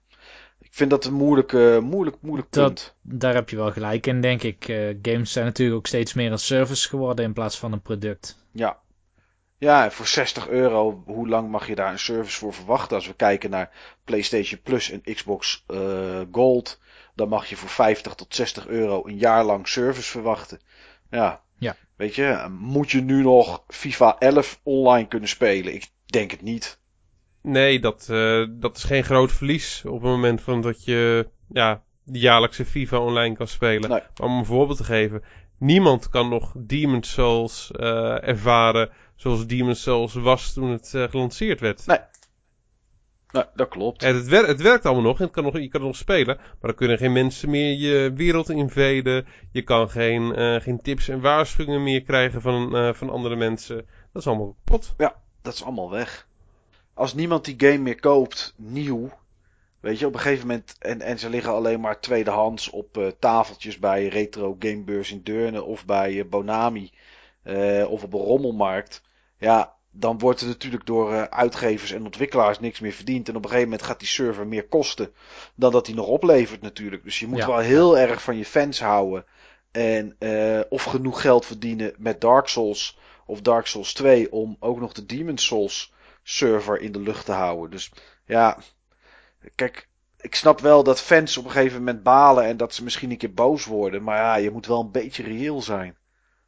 Ik bedoel, uh, ja, je kan nu ook niet verwachten van, van, van, van U2 dat hun nieuwe album ook, ook op A-track uitkomt. Om, dat is gewoon een formaat wat niet meer gesupport wordt. Ja, en dit is ook, die servers worden gewoon, op een gegeven moment is het op. Is het, kost het meer om het te maken dan, of om het in leven te houden. Ja, dan, dan, dan dat het opbrengt. Maar het is wel jammer. Ja, het is wel jammer. Nou, ik denk dat we pas echt gaan balen op het moment dat straks de PlayStation 6 uitkomt.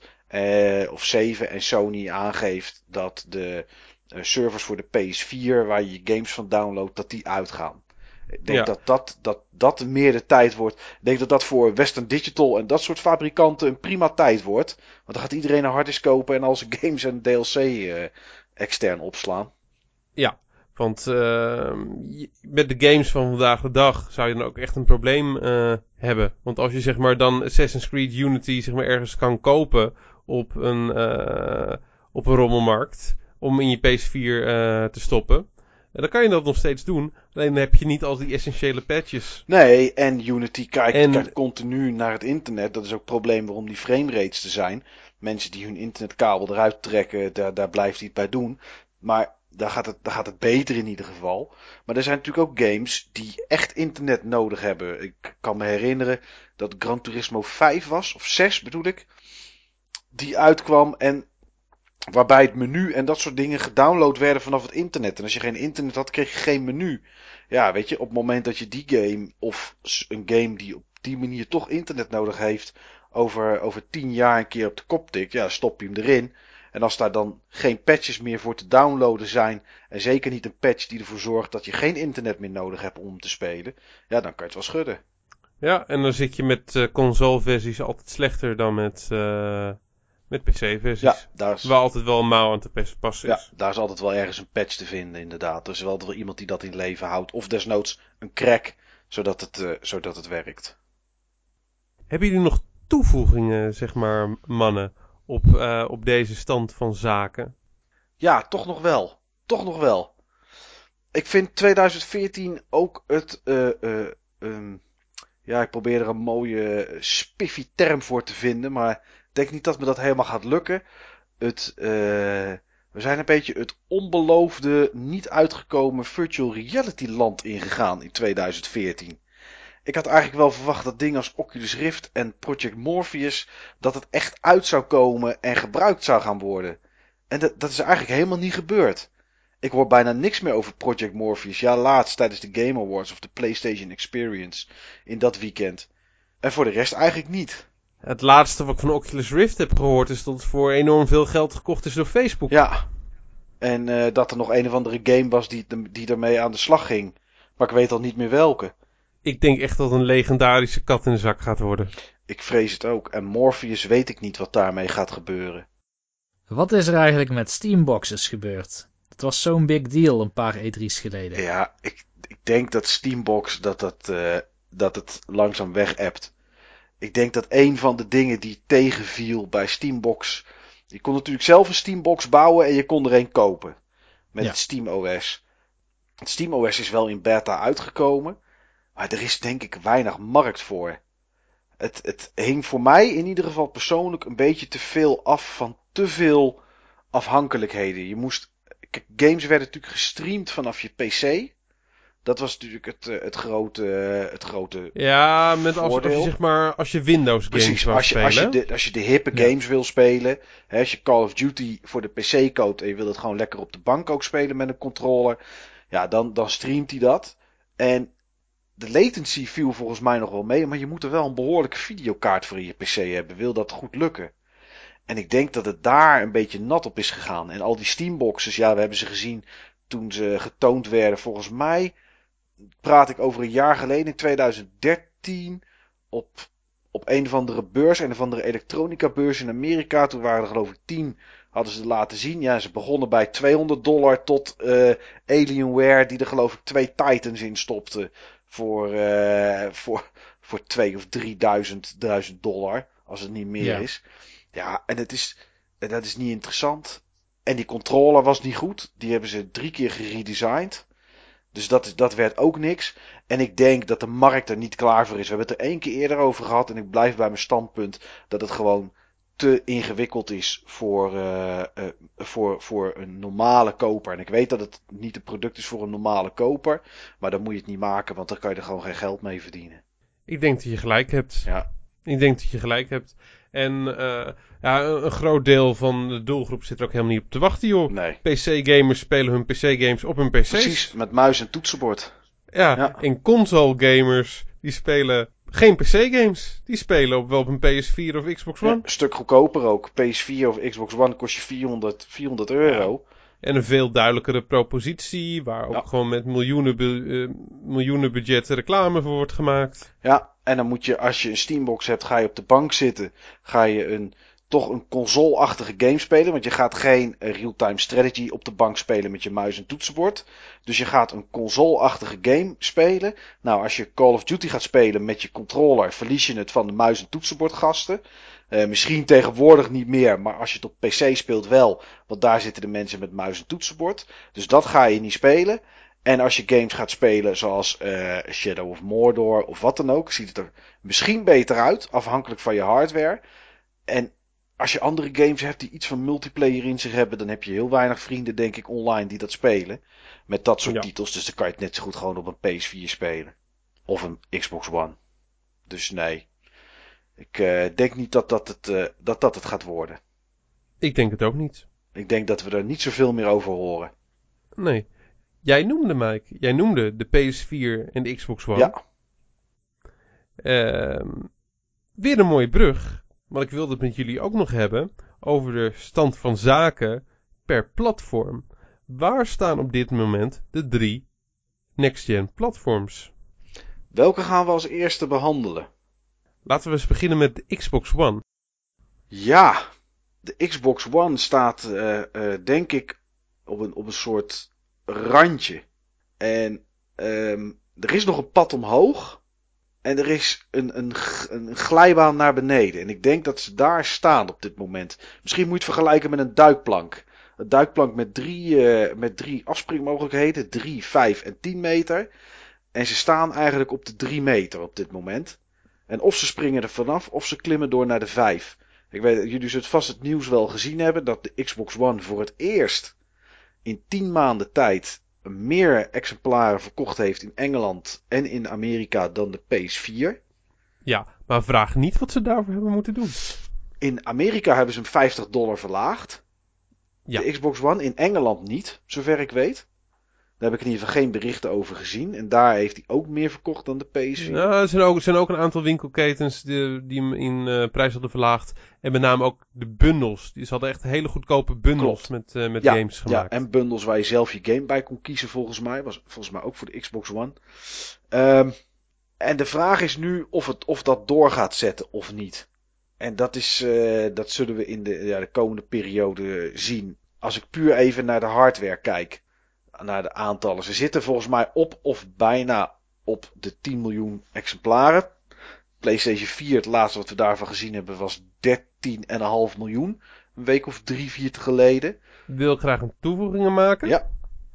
Uh, de PlayStation 4, 13,5 miljoen verkochte exemplaren aan consumenten. Ja. Xbox One, een kleine 10 miljoen verscheepte units. Oké, oké. Die, zitten, die staan dus of nog in een winkel op een pallet, of ze zijn inmiddels verkocht. Maar dat, uh, dat, dat weten we niet. Nee. Oké. Ja, goed. Dus dat is wat ik. Dat is, als we naar het platform aan zich kijken, dus puur naar de Xbox One. Dan denk ik ja, dat, we, dat we daar staan, zeg maar. Of ze springen van de duikplank af en, en komen in het water en dobberen voort. En de PlayStation 4 klimt verder omhoog. Of de Xbox One gaat wel omhoog klimmen. Maar dat zal alles te maken hebben. En dat is logisch, want de console is net zo goed als de games die erop zijn. Het zal te maken hebben met de games. Het zal te maken hebben met de games. En uh, ja, uh, Microsoft heeft gewoon één groot uh, nadeel ten opzichte van een Nintendo. Um, de games waar mensen zeg maar deze consoles voor, koop, uh, voor kopen, en dan praat ik eigenlijk over de Xbox One en de PS4, die komen gewoon op beide systemen uit. Ja. En de onderscheidende factoren ten opzichte van, uh, van de PS4, die zijn gewoon veel kleiner dan in het Xbox 360 uh, tijdperk. De Xbox One heeft een betere online uh, ervaring dan de PS4. Maar de PS4 heeft een veel betere online ervaring dan, dan de PS3 had. Dat is echt wel ja, enorm vooruit gegaan. En de PS4 heeft gewoon iets sterkere hardware. Een mooier design, een controller die ook echt prettig is. Ja, dat is een smakenkwestie, mooier design. Maar ik denk dat de PS4 één ding heeft dat de Xbox One niet heeft. En dat zijn veel meer, ik wil niet zeggen betere, maar veel meer exclusieve titels. Die allemaal nog uit moeten gaan komen? Ja. Ja, die, die, die eraan gaan Ze hebben, ze hebben nu ja. al, hè, als je fan bent van. Ik bedoel, dus er zijn wel wat Xbox One exclusives. Maar dat zijn er niet heel veel meer, omdat er ook een aantal naar PC zijn gekomen. Dat is dat een andere markt, weet ik, maar goed. En dat waren ook geen wereldtitels? Uh, Dead Rising 3 was leuk. Was leuk, maar was geen wereldtitel. Nou, inmiddels als je nu zo'n soort game zou moeten spelen, koop je Sunset Overdrive. Dan koop je niet meer Dead Rising. Terwijl als je een shooter zou willen spelen, echt een PlayStation shooter, kan je nog best Killzone kopen. Dat is nog steeds een goede titel. Vandaag ja. de dag. Maar Klopt. De Xbox One mist ik. Als je me nu zou vragen wat komt er volgend jaar exclusief voor de Xbox One uit, kan ik alleen met Quantum Break. Of wat is het? Quantum ja, Quantum Break komen. Ja. Uh, en voor de rest helemaal niks. Ja, er waren een paar van die indies. Ja, Ori and the Forest bijvoorbeeld. Ziet er super mooi uit, maar komt ook voor PC. Ja, ja maar dit zijn. Dit, Ori and the Forest is ook geen game waar mensen een console Is geen system seller. Nee. Is geen system seller. Halo 5 is dat wel. Dat is het wel, maar die samen met Quantum Break zijn de enige twee titels die ik op kan noemen op dit moment. Ik zou er niet meer weten voor de Xbox One. En ik denk, denk dat ze dat heel snel moeten veranderen. Anders verliezen ze erop. En uh, Microsoft heeft al aangegeven dat ze waarschijnlijk geen exclusieve Microsoft show zeg maar zullen hebben voor de E3. Dus misschien dat er nog wel het grootste aankomt, maar niet heel enorm groot aangekondigd. Sony had natuurlijk onlangs de PlayStation Experience, uh, waar ze heel veel hebben laten zien en, en aangekondigd. En daarvoor, dag daarvoor bij de Game Awards. Microsoft helemaal niets. Omdat ze denk ik ook helemaal niets hebben. Ja, ik, uh, ik ben bang dat dat ook het geval is. Het is ook niet voor niks, want dat ze bijvoorbeeld zeg maar die, uh, die exclusieve deal uh, gemaakt hebben met Square Enix voor, voor Tomb Raider. Nee. Want die ook tijdelijk is. Maar ja, ik denk dat ze dat ook echt gewoon nodig hebben. Dat is ook op dit moment gewoon het ding, hè. Tijdelijk, tijdelijke exclusive zus of zo. Uh, hier en daar DLC die net iets eerder uitkomt. Ja, Call of Duty altijd een maand eerder of zo. Ja, maar ik geloof wel dat ze wat hebben. Ik bedoel, ze hebben genoeg studio's die exclusief voor hun uh, produceren. Alleen, uh, ja, we horen er niks van. Of ze, ze komen misschien net van een project af en moeten nog schakelen naar het nieuwe project het is in ieder geval erg stil. Ja, ik, weet je, het, de Xbox One heeft een ja, Gears of War nodig, denk ik. Kijk, wat wel, het wel zo is, uh, Sony heeft gewoon meer en grotere franchises dan, uh, dan Microsoft, los van Halo. Ik, uh, Halo is echt gewoon een hele grote franchise. Ja. En Gears of War daar net onder. Maar Uncharted, God of War, Killzone. Gran Turismo. Uh, ja, het zijn gewoon echt een hele grote, uh, hele grote franchises. Ja. En uh, ja, dat zijn, allemaal, uh, dat zijn allemaal dingen waar we voor een groot deel ook nog geen titel van voorbij hebben zien, zien komen. Nou, trust me, die komen wel hoor. Ja, ja, ik, die, komen, die komen echt wel. Ik denk dat de wereld op dit moment warmer loopt, bij wijze van spreken, voor een nieuwe Ratchet Clank op de PS4 dan voor Halo 5. Daar heb ik echt het gevoel dat dat, dat, dat, dat Halo 5 door de Xbox One en dat die minder verkocht is en er minder hype is voor die console, dat dat en niet door Bungie? Niet door Bungie, maar dat het gewoon, dat het gewoon een beetje op de achtergrond zakt. Ja, ja. En uh, ja, ik denk ook, ik denk serieus dat, uh, je hebt hem net genoemd, Sunset Overdrive. Gave game, ja. leuke game.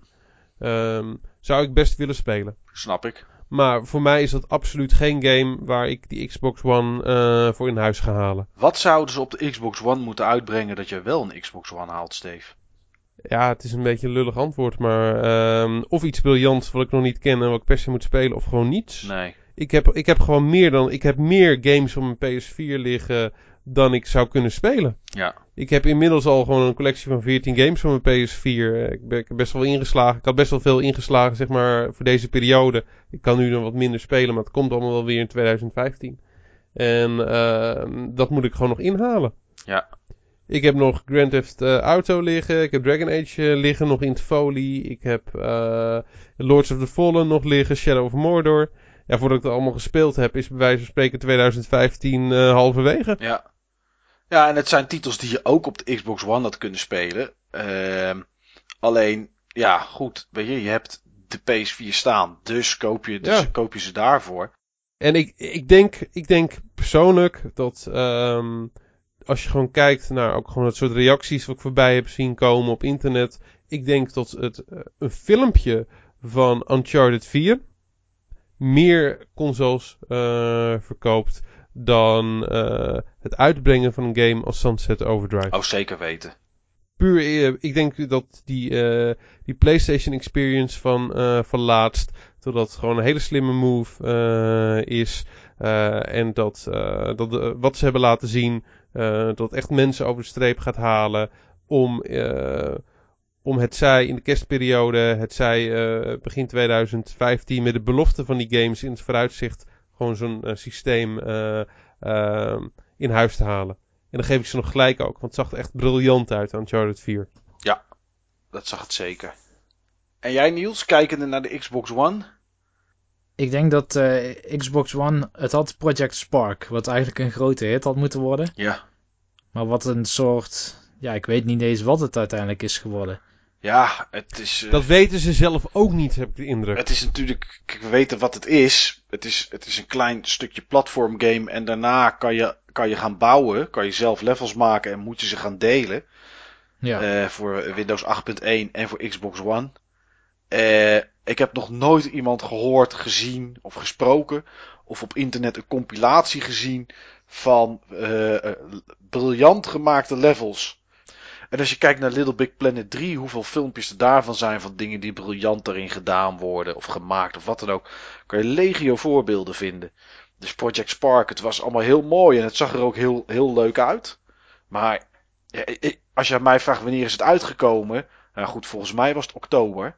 Maar echt zeker weten doe ik niet eens. Kan ook september zijn geweest. Ding is voor de rest heeft geen aandacht meer gehad, niks. Ja, nee, dat klopt.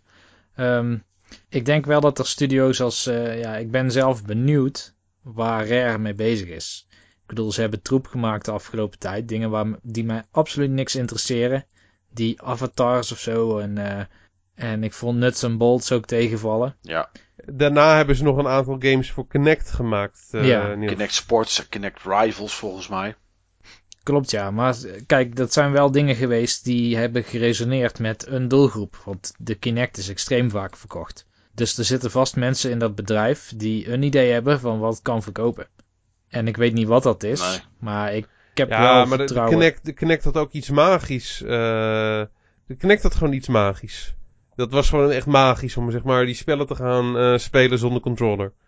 Maar dat was ook gewoon een, mag- eh, een magische hype. En, eh, en inmiddels hoor je er ook weer helemaal niks. eh, dat zijn die hypes, dat is gewoon even leuk en daarna niet meer. Het is niet voor niks van dat ze Kinect ook eh, uit de Xbox One eh, kits gehaald hebben natuurlijk. Hè? Nee, Mensen zitten er vandaag de dag al niet meer op te springen. Nee, en ik heb er een staan. Hij zit eh, eh, eh, nog wel aangesloten toevallig op dit moment. Maar ik zou niet weten waarom ook. Ik bedoel, eh, dat ding eruit halen is gewoon de grootste fout geweest. Als je wil dat er ooit eens een keer iets goeds komt. Wat mensen echt willen spelen voor Kinect. Maar dan komt het nu niet meer. Ik bedoel, ik denk niet dat Microsoft in een volgende eigen titel. Bijvoorbeeld Halo 5 of straks een Gears of War dat ze gebruik maken van Kinect. Ja, die zou ook wel stom zijn. Het kost je 10% kracht van je machine. Ja. Laat het ding lekker weg en, en zorg voor meer grafische kwaliteit. Kijk naar Diablo 3, de Ultimate Evil Edition. Ja, die draaide nu op, op 1080p op de Xbox One. Maar dat komt alleen maar omdat ze Kinect hebben uitgeschakeld. Destiny in dito, anders zou die op 900p moeten draaien. Ja, dus dat, dat ding is, dat ding is, ja, het is leuk dat ik hem heb staan. Misschien wordt het ooit een collectors item. Maar voor de rest is het gewoon, is het gewoon zonde van die 100 euro.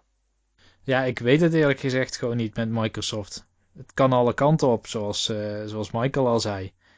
Ik denk wel dat ze zichzelf kunnen herstellen, maar het is vooral een marketing ding. Het, het is ook, kijk, als je kijkt wat heeft Sony nou goed gedaan, het waren niet per se de games of zo. Het was echt vooral de, de, de marketing, de campagne voor de players. Ja.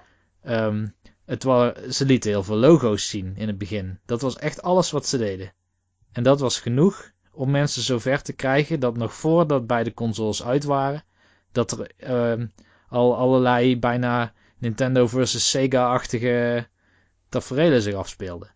Ja. Nee, ik denk, De hype was al ik hoog. denk dat Sony, wat Sony vooral goed gedaan heeft, is zich vooral niet, hoe moet je het zeggen? Ik denk dat Sony slim, slim eraan heeft gedaan om vooral een beetje rustig te zijn.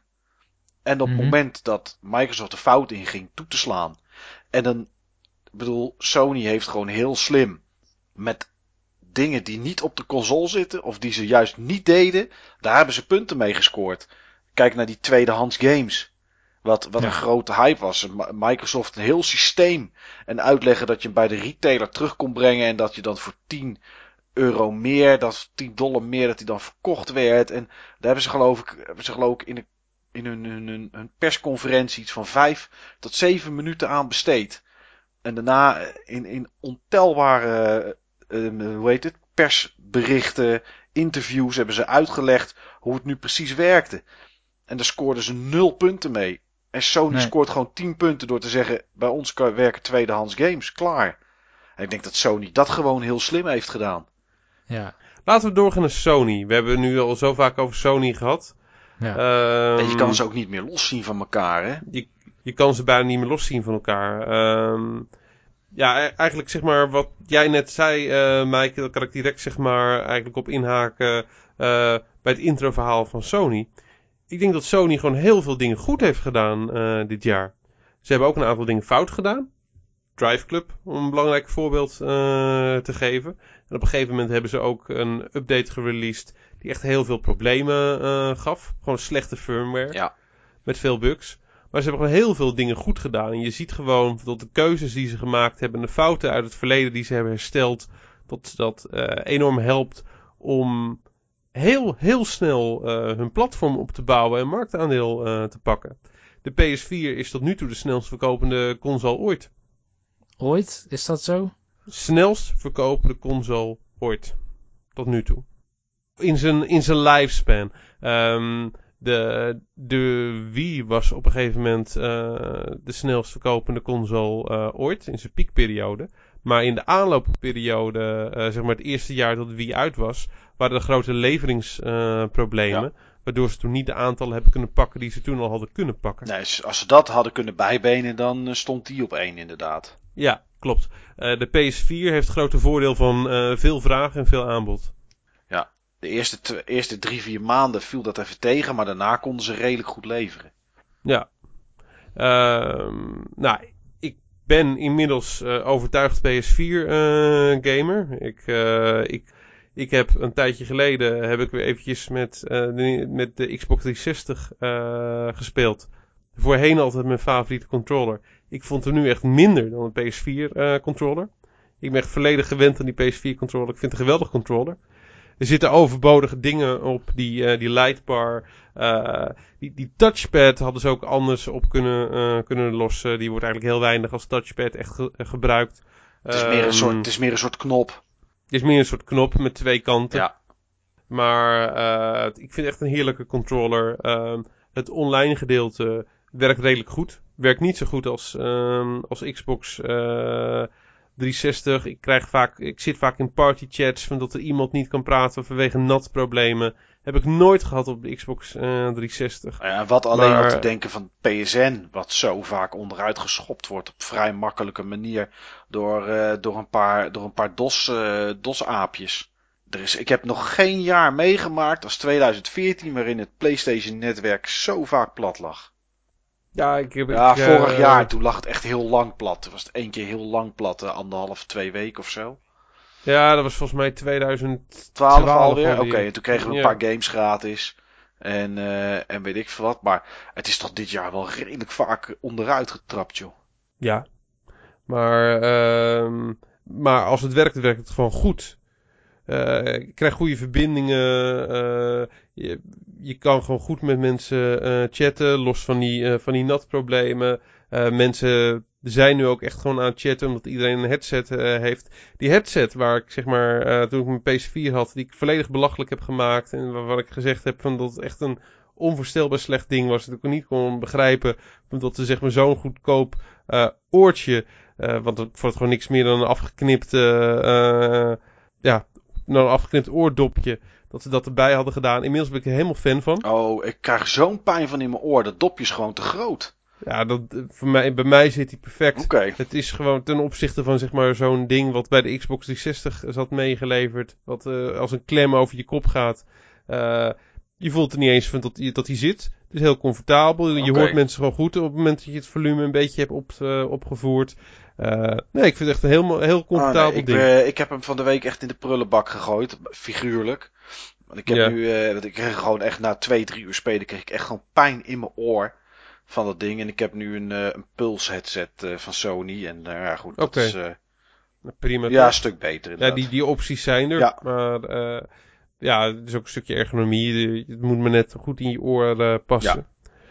Ja. Ja, en uh, de multiplatform releases. Dat, uh, waar ik vroeger zeg maar uh, altijd multiplatform releases gekocht heb op Xbox 360, omdat die daar vaak net even iets beter op waren, zijn ze dat nu op de PS4. Ja. Hoeveel games zijn er niet uitgekomen die 1080p waren op, op PS4 of net wat meer effecten hadden, terwijl op Xbox One je een versie had van 900p of of wat framerate problemen of wat dan ook. Um, ik denk dat er maar één of twee games waren dit jaar die beter draaiden op, op de Xbox One. En voor de rest draait gewoon alles beter op de PS4. Of ja, gelijkwaardig. volgens mij alleen Assassin's Creed en GTA waren volgens mij de enige twee die op Xbox One beter draaiden. Ja, GTA heb ik filmpjes van gezien. Kan misschien beter draaien, maar daar mist heel veel bijvoorbeeld gras en dat soort dingen. Oh, dat klopt ja. ja. Is veel minder frequent aanwezig. Het is in ieder geval minder mooi. Laat ik het zo zeggen. De framerate was hoger in ieder geval, volgens Digital Foundry. Ja.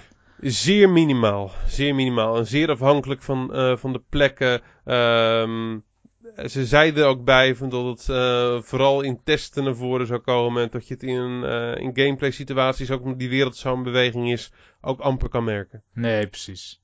Dus dat is gewoon zeer beperkt. Dus ja, dat is voor mij een optelsom in combinatie met PSN Plus, wat ik echt een geweldig product vind. Ja. Die voor mij, waar ik voor mezelf gewoon de keuze mee heb gemaakt om, om naar PS4 over te stappen. En ik zie ook gewoon steeds meer van mijn Xbox 360 vrienden opduiken op PS4. Ik zie gewoon heel veel mensen gewoon die overstap maken. En ik denk dat vice versa veel minder is.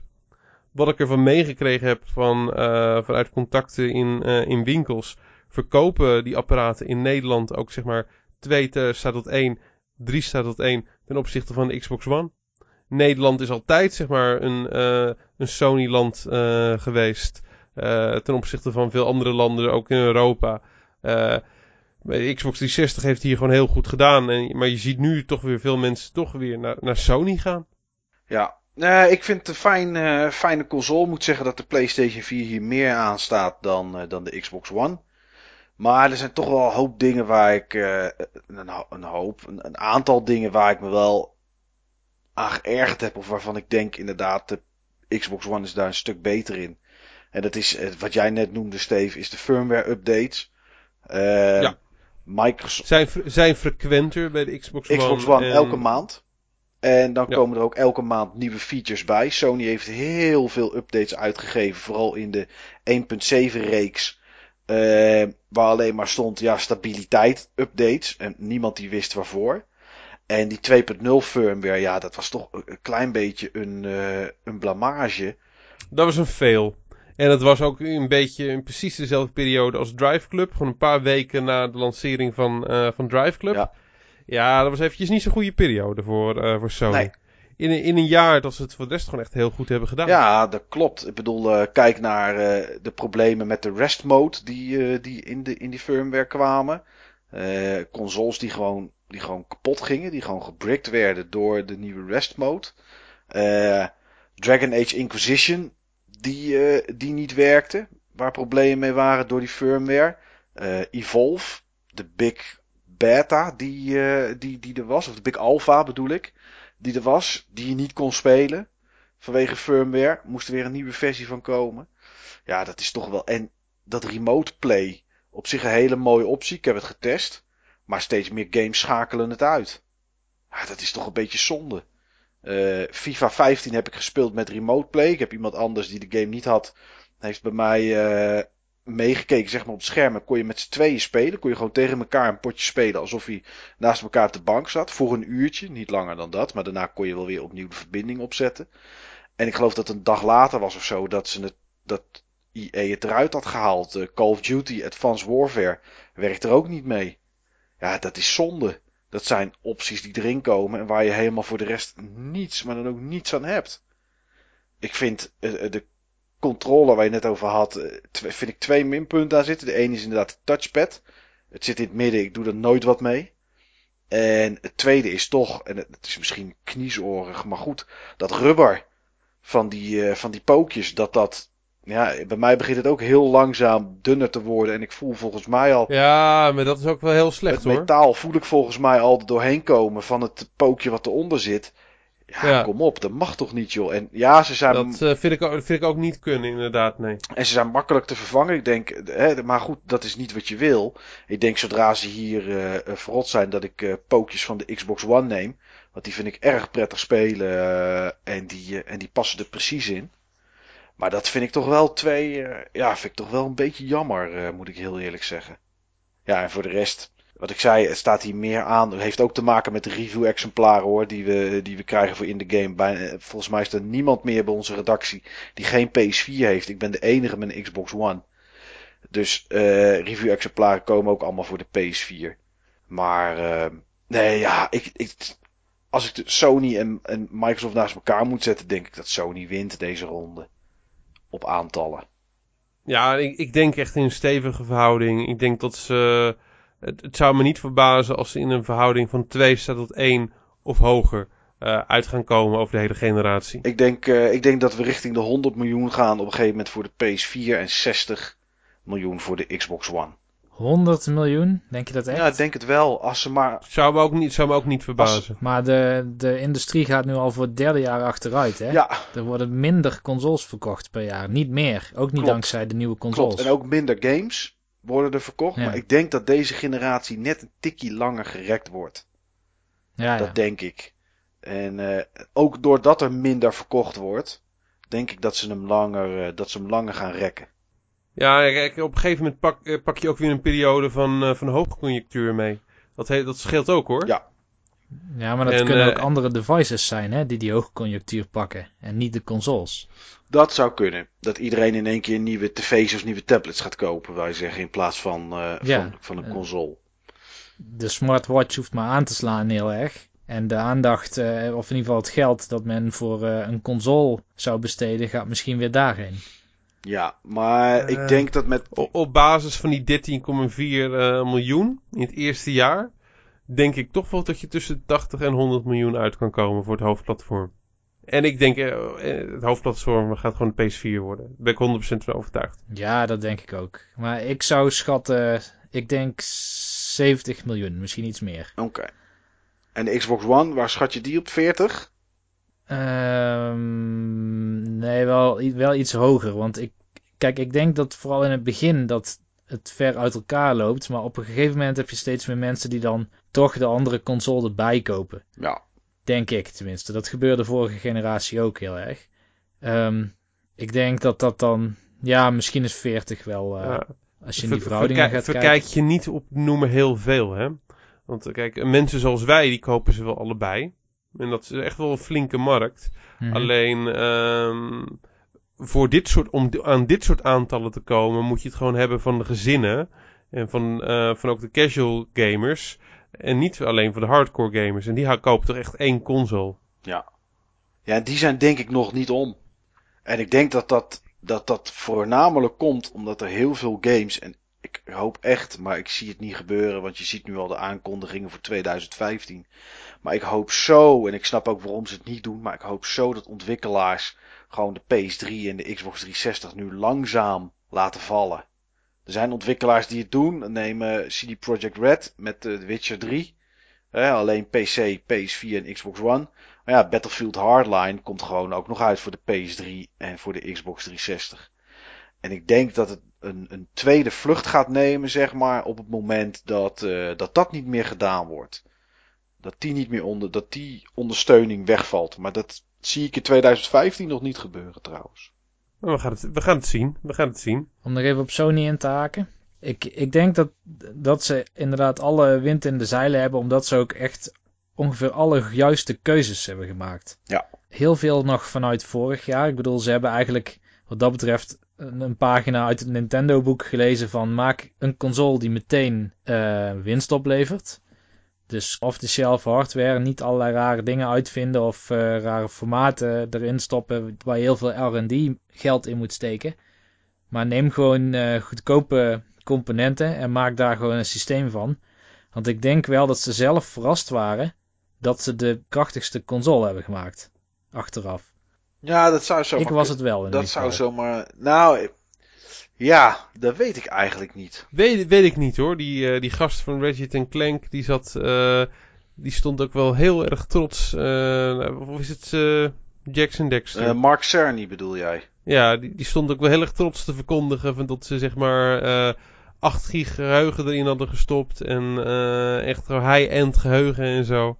Ik denk dat ze ook wel bewuste keuzes hebben gemaakt om er toch wel een redelijk krachtig apparaat van te maken. Nou, die, dat geheugen heeft meer te maken met een beoogde ja, de termijn waarop PlayStation 4 moet presteren. En eh, geheugen is het, het meest belangrijke en rekbare gedeelte in dat systeem. Maar bijvoorbeeld eh, de grafische capaciteiten, die vallen eigenlijk redelijk tegen van de PlayStation 4. Ja, als je het naast een PC zou zetten, bedoel je. Want daar moet je het dan mee vergelijken. Ja. Ja. En wat je nu ook ziet, is dat eh, een aantal eh, grote Japanse publishers ook hun titels naar PlayStation 4 gaan brengen, waar ze dat voorheen niet deden. Dat ze niet wisten waar ze hun titels kwijt konden. Ook omdat misschien de handheld markt een klein beetje onderuit aan het glijden is, in ieder geval zeker in het westen. Kunnen publishers als eh, nou, Square Enix, ik noem maar wat, kondigen toch weer grotere projecten aan voor console. En dat betekent in de praktijk PlayStation 4. In ieder geval voor Japan. Misschien poorten ze het nog wel naar Xbox voor, eh, voor Amerika. Maar er is flink veel ondersteuning. Al vrij vroeg. Ja, nou ja, en een titel als Tomb Raider, of Rise of the Tomb Raider, die dan wel eerst timed exclusive is voor de Xbox One, lijkt me niet een titel die voor Japan belangrijk is. Nee, lijkt mij ook niet, nee. Oh, Capcom, hè, ze brengen een Dragon Quest game naar de PlayStation 4. Dat, dus dat kan betekenen dat de volgende grote Dragon Quest ook naar de PlayStation 4 komt. En dan heb je de nieuwste Final Fantasy, de nieuwste Dragon Quest en de nieuwste Kingdom Hearts op één platform. Ja, nou komt uh, Final Fantasy en Kingdom Hearts ook wel naar de Xbox One. Ah, dat is maar ja, de, de baas van Sony, Jap van, van de baas van Microsoft Xbox Japan stapt natuurlijk niet voor niks op. Want dat ding verkoopt daar echt voor geen meter.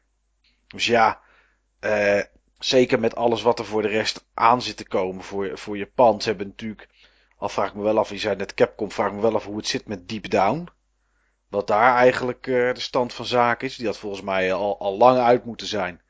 Uh, ja. Maar dat is natuurlijk ook heel erg voor Japan gericht. Zo'n dungeon crawler. Een beetje zoals, zoals Monster Hunter-achtig iets. Hè? Dat soort dingen, daar zijn ze gek op natuurlijk. Ja, breng Twee, twee van dat soort titels uit voor de PlayStation. En ja, dat ding gaat als warme broodjes staan natuurlijk. We hebben alvast Street Fighter 5. Street Fighter 5 is inderdaad exclusief voor de PC.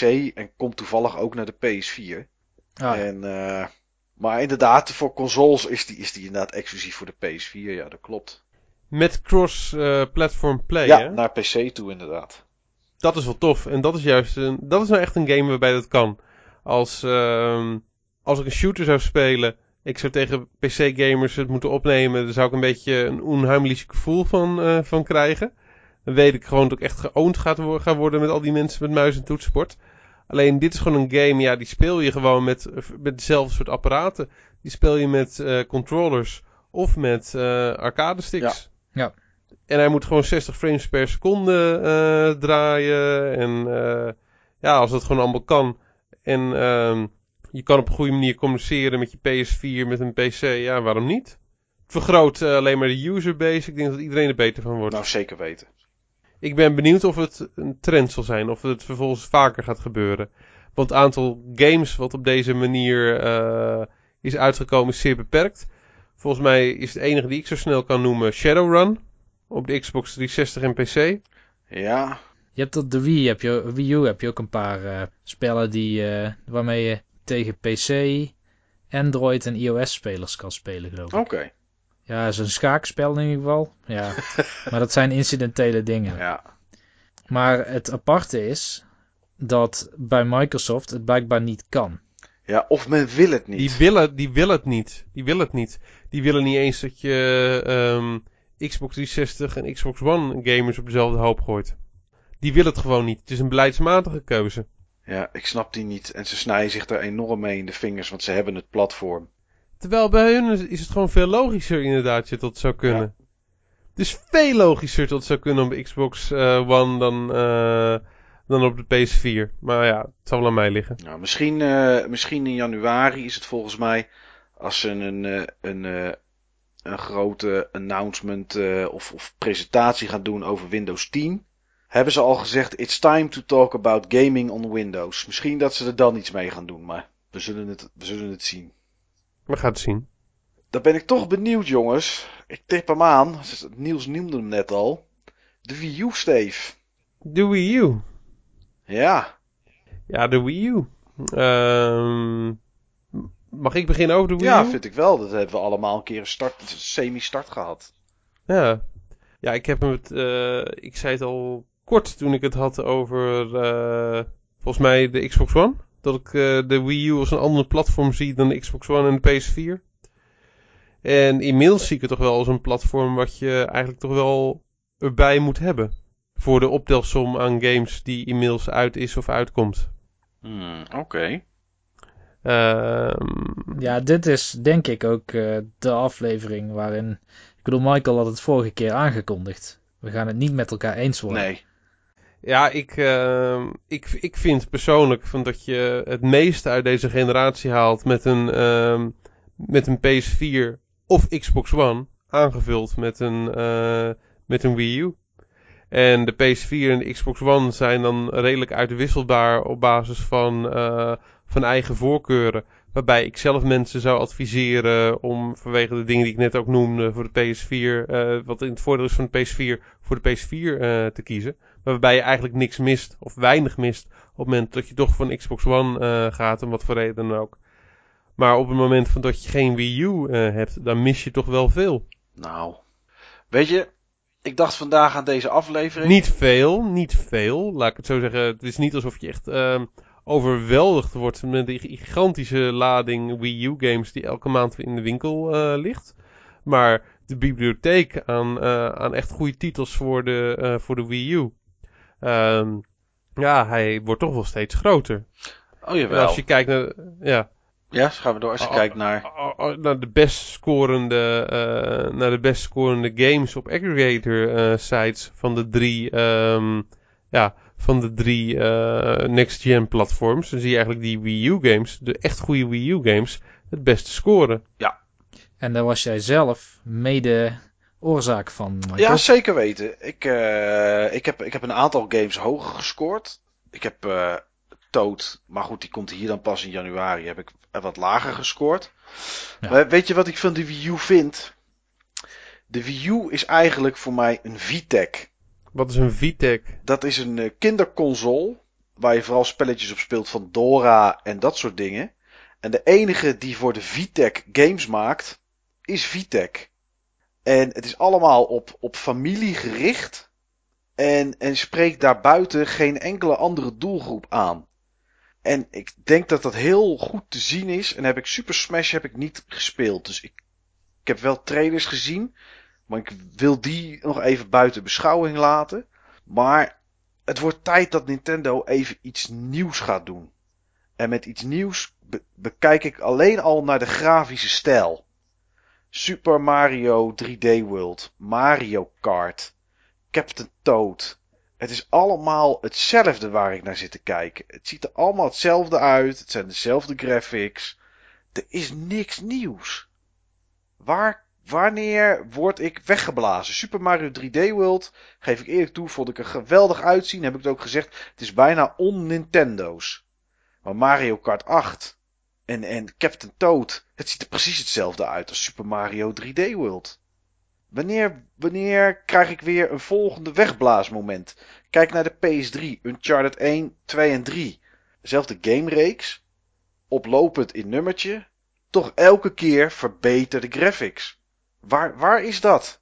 Ik mis dat. En dan kan je zeggen, ja, maar op de Wii U is dat niet belangrijk. Nou, dat kan, maar ik zit nog steeds aan hetzelfde te kijken als waar ik meer dan een jaar geleden ook naar zit te kijken. De games, het blijft allemaal een, een beetje hetzelfde.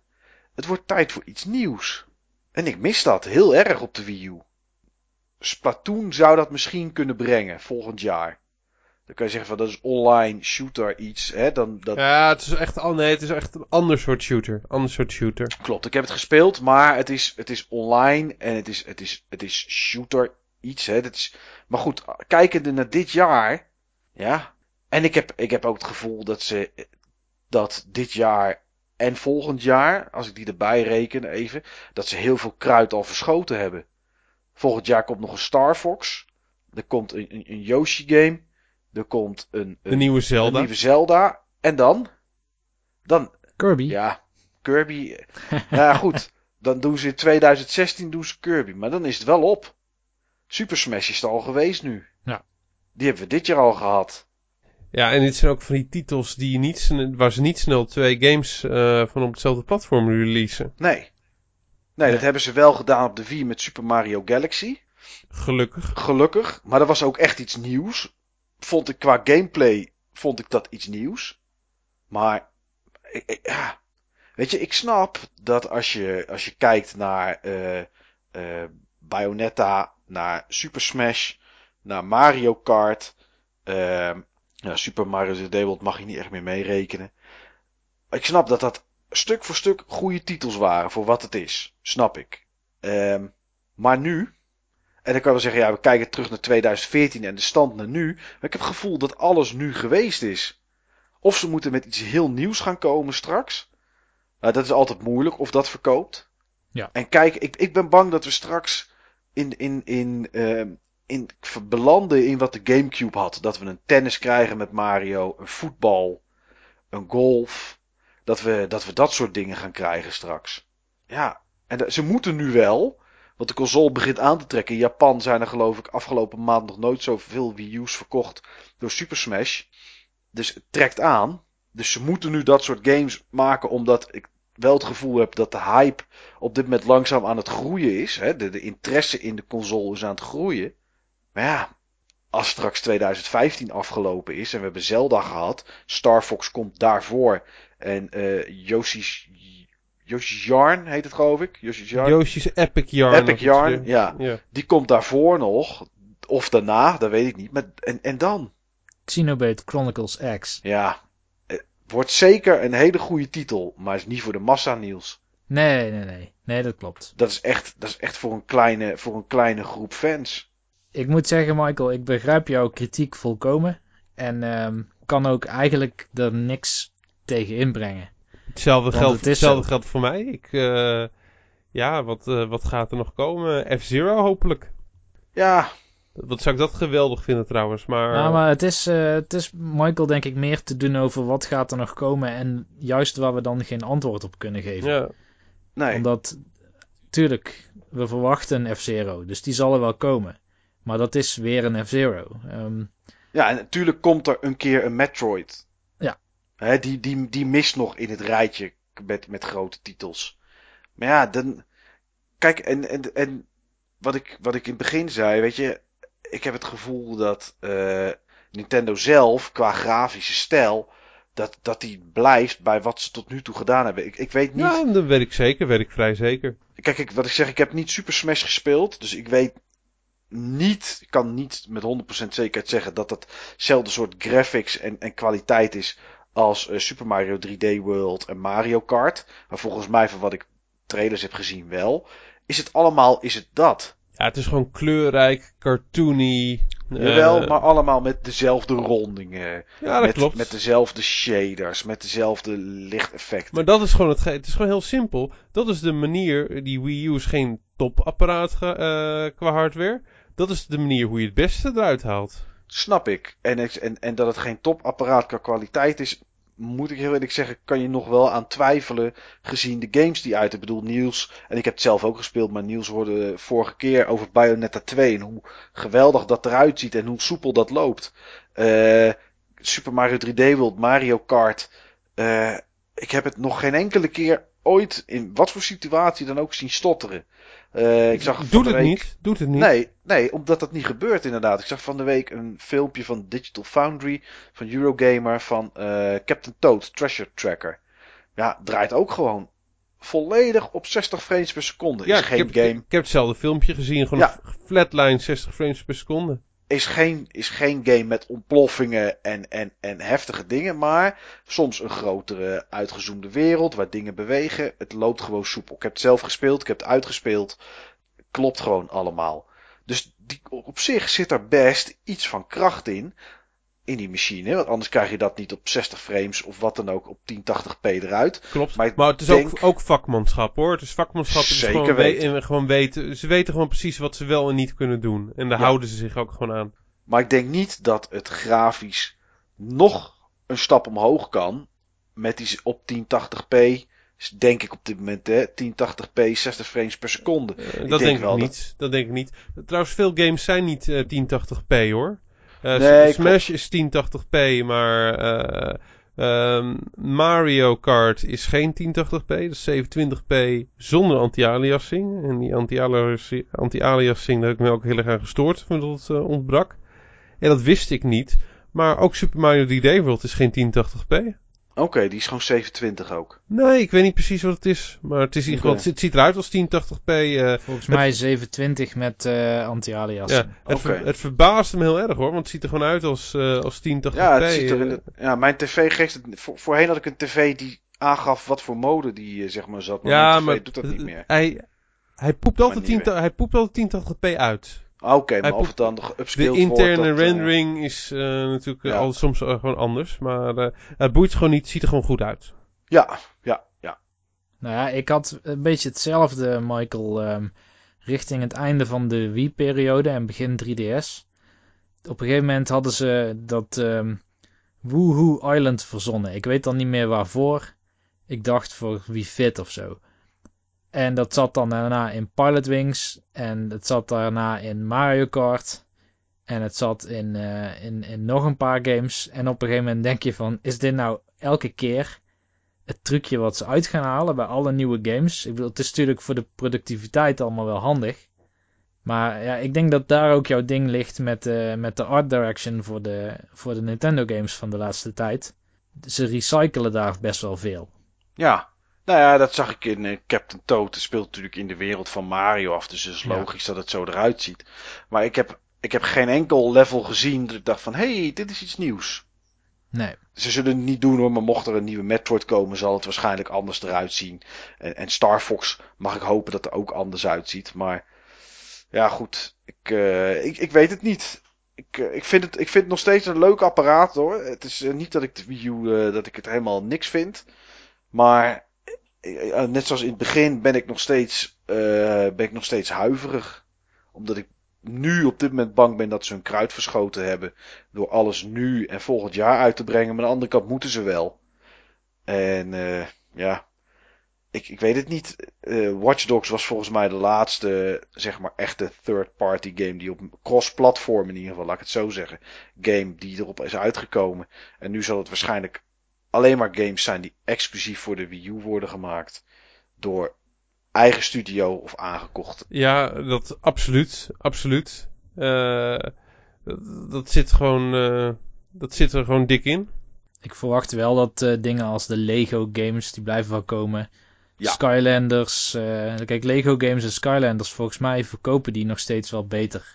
Ja, dat, denk ik ook wel. Als het, als het kids georiënteerd is, dan ja. gebeurt dat ook wel. En er zijn ook heel veel kids games, echte kids games, die alleen voor 3DS, Wii U en Wii uitkomen nog steeds. En gewoon niet voor Xbox en niet voor PS4, want het koopt toch niemand op die platformen. Nee, afgelopen week op plaats 10 was een Wii-game als best verkochte titel in, uh, in Engeland. Ja. Kun je nagaan. Het was dan Just Dance natuurlijk weer. Oh ja, tuurlijk. Ja. Sorry, wat, wat zei je? Een Wii-game? Ja. Wanneer, ja. Was, wanneer was dat het geval? Afgelopen week. Ja, joh. Ja. Ja, Just, Just Dance. Ik had ook uh, uh, hier een kameraad over de vloer. Die zei, oh ja, die is uit. Die moet ik even voor mijn kinderen kopen voor de Wii. Want die staat dan ergens op zolder. En uh, aan, een, aan een extra tv of op een soort speelkamer voor de kids. En die vinden dat leuk. En ja, goed, die pakken de, de Wiimote in hun hand. En die gaan al die liedjes weer staan dansen. Ja. En het is ergens erg, hè. Want bedenk je dus dat gewoon zo'n Just Dance voor de Wii... misschien wel meer verkoopt dan een Dragon Age Inquisition voor alle platformen bij elkaar. Ja. Dat is toch eigenlijk... Ja, eigenlijk is het, eigenlijk is het raar. Nee, nee, is alleen maar goed. Het is alleen maar goed als, dat, als de massa dat leuk vindt. Dat is toch prima? Ja, nee, het is ook prima, prima. Maar het is, wel, het is wel apart. Want als je kijkt... Het is apart, ja. Als je kijkt vanuit ons oogpunt, hè, wij kijken natuurlijk wel anders. Hetzelfde wat Steve er straks zei met alle consoles kopen. Wij zijn toch meer hardcore gamers dan, uh, dan, uh, dan de casual gamer. Maar vanuit ons oogpunt is het raar, omdat Dragon Age Inquisition heeft een, een geweldige wereld, een verhaal, weet ik wat. En Just Dance, ja goed, het zijn uh, Katy Perry en, en waarschijnlijk Fireball van, van, van Pitbull. En wat danspasjes erop en dat is het. Maar ja, ja, goed, het is, het is party. Het is party spul en dat verkoopt natuurlijk. Dus ja, dat is hoe ik naar de Wii U kijk, uh, jongens. Uh, je zei net al, ja, we hebben weinig meer aan toe te voegen. Maar ik hoop toch dat je nog wel iets toe te voegen hebt, Niels. Ja, absoluut. Um, Steve heeft al gezegd dat een aantal van de beste games van het afgelopen jaar, tenminste de hoogst beoordeelde games, toch van dit systeem kwamen. Uitgerekend in het jaar dat de Wii U irrelevant uh, bestempeld was door veel mensen. Ja. Dit was het jaar waarin uh, de grote games uh, eindelijk ja, lieten zien nu wat dan Next Gen eindelijk zou zijn. En tuurlijk, ik denk dan van dat zal dan waarschijnlijk volgend jaar zijn. Want dan komt Bloodborne, waar ik dan persoonlijk heel erg naar uitkijk. Ja. En en uh, Batman, de nieuwe Batman game komt dan uit. Ja, en The Witcher dus zijn... en, en die Order. Alles die Order, uh, puur even naar het grafische en naar de kracht, zeg maar, kijkende.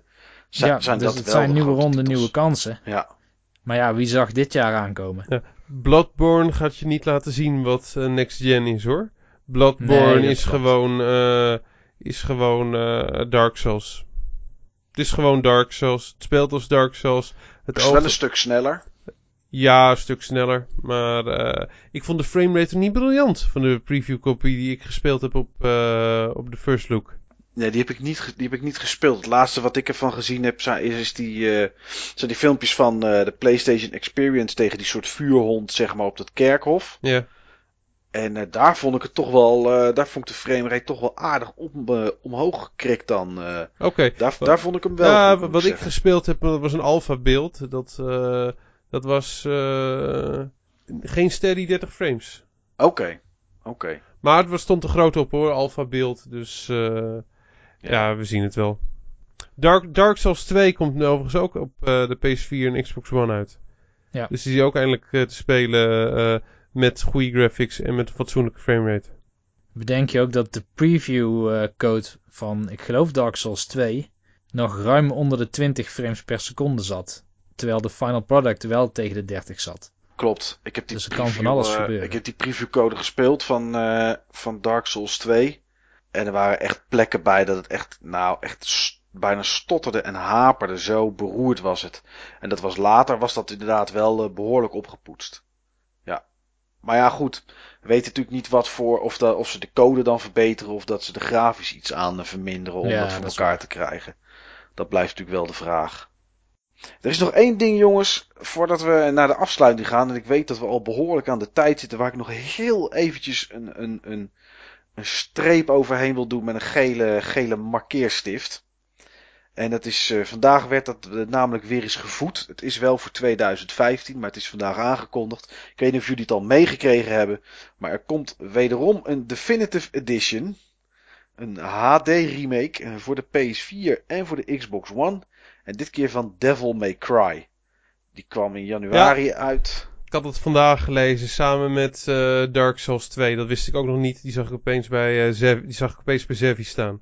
Ja, en dat klopt. is ook absoluut een, uh, een trend. Zeg maar al die, al die HD remakes. Nou, het was zelfs zo erg. Tenminste, ik vond het best wel sneu. Dat bij de Game Awards, die 5 december waren, de vervanger van de VGX dat daar zelfs een categorie was voor de beste HD remake. Nou, ik was persoonlijk eerlijk gezegd wel blij dat er een categorie voor was. Anders dan had je weer uh, The Last of Us uh, bij Best Game of the Year en GTA 5 bij Best Game of the Year. Maar die zou je toch gewoon niet moeten meenemen meer? Dat zijn games van vorig jaar.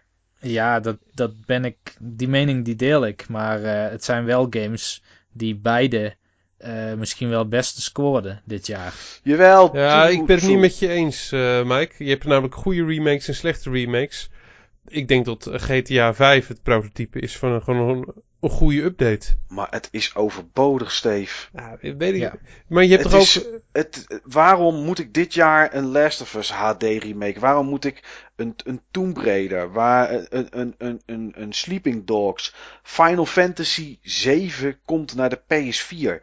Uh, weliswaar in originele vorm, maar hij komt eraan. Final Fantasy 10 en 10.2 komen in nog opgewaardeerdere versies ook weer naar de PS4. Devil May Cry. Uh, Devil May Cry 4, want die komt ook volgend jaar. Komt ook in een, uh, dan in de zomer. Die komt daarna, na Devil May Cry. Oftewel DMC. Die, komt, die komt ook joh, Devil May Cry 4. Devil May Cry 4 komt ook. Ja.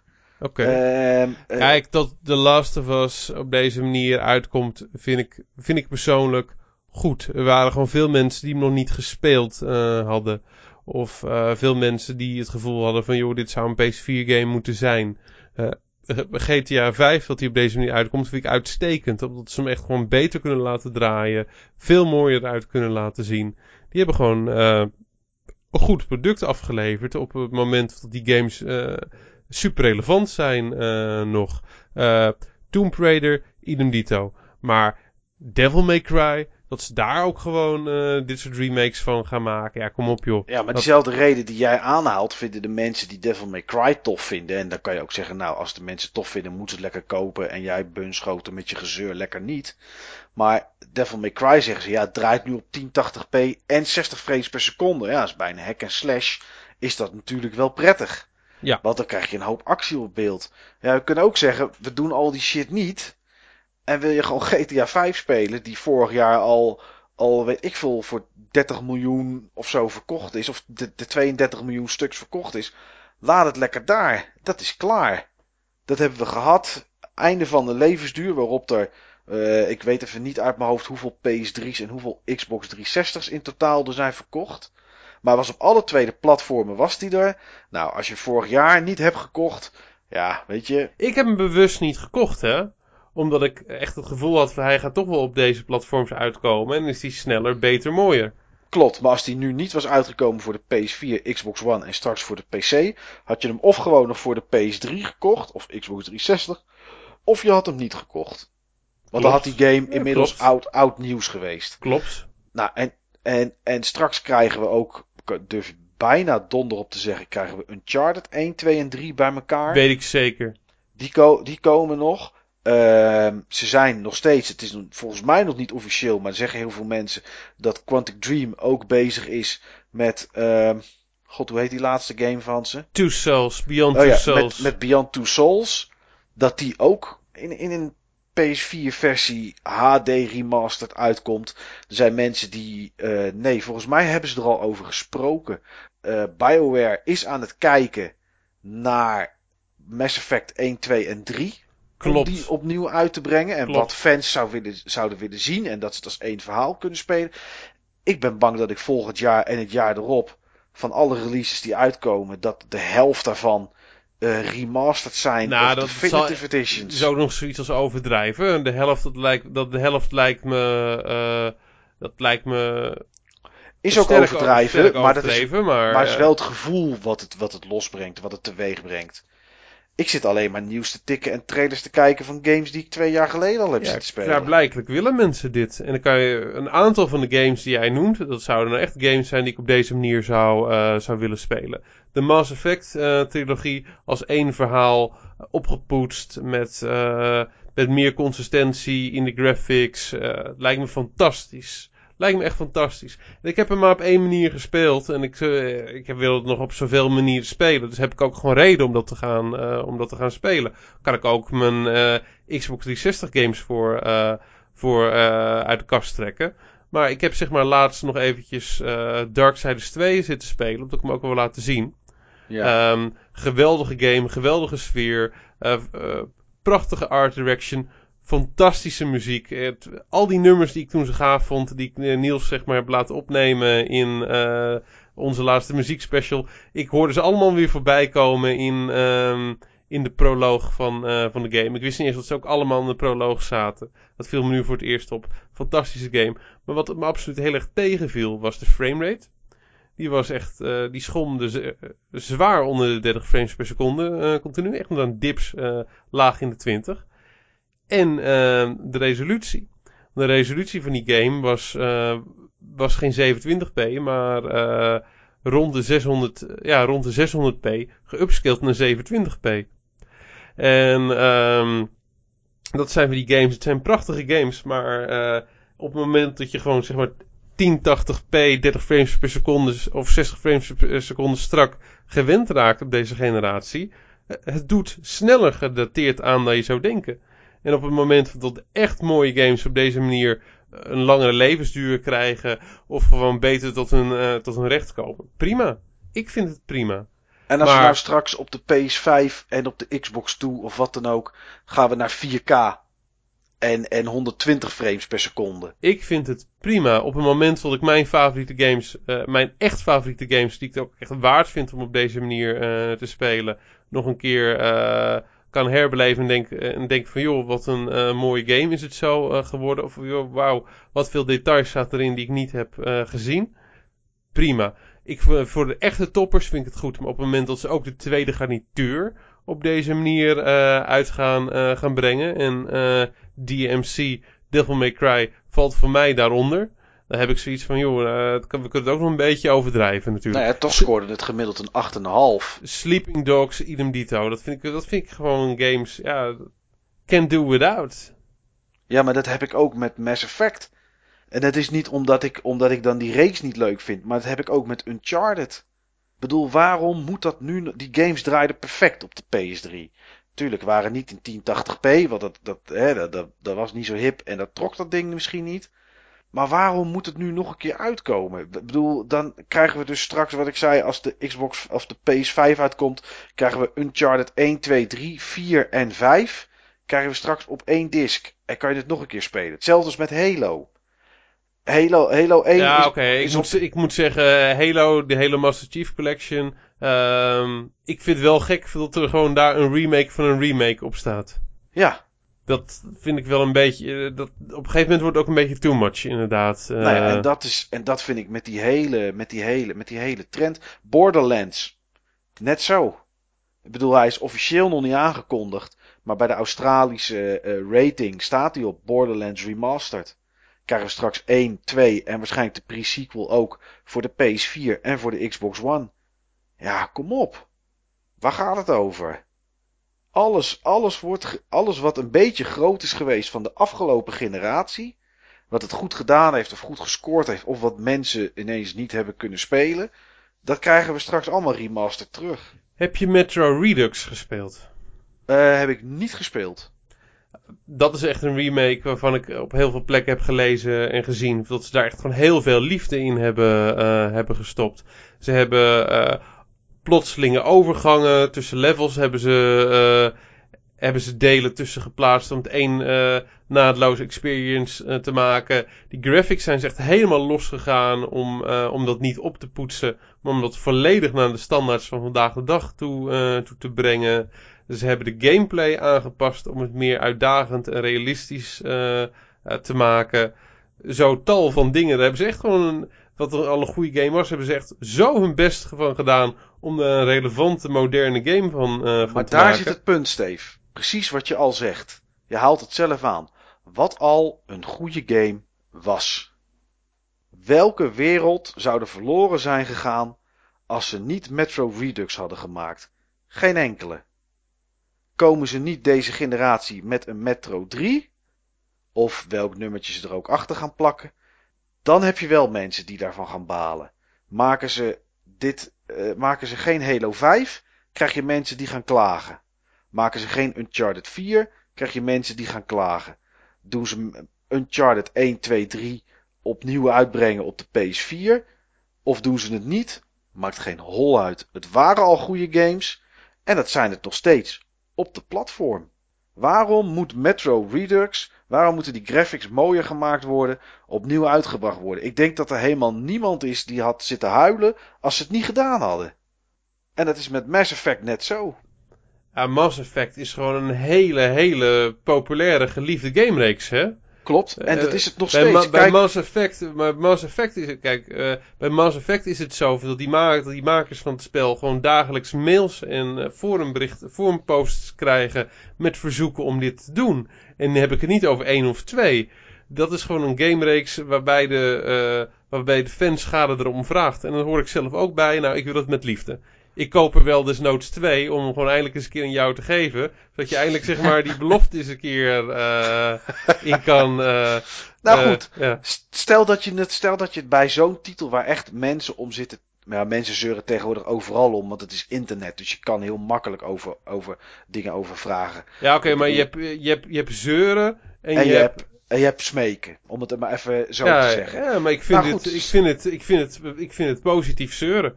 Op het moment van dat mensen zoveel liefde ergens voor hebben, van dat ze het willen, heb ik zoiets, heb ik heel, eh, ik, eh, hele, heb ik een hele simpele mening over. Geef het ze dan. Ja. Nou goed, daar ben ik. en als jij dan ik- toevallig ik niet wil, nou dan wil je toch gewoon lekker niet. Nee, klopt. Maar dan vind ik het, eh, als, we, als je toch op die egoïstische tour kijkt van als jij het niet wil en ik wel, dan jij lekker niet.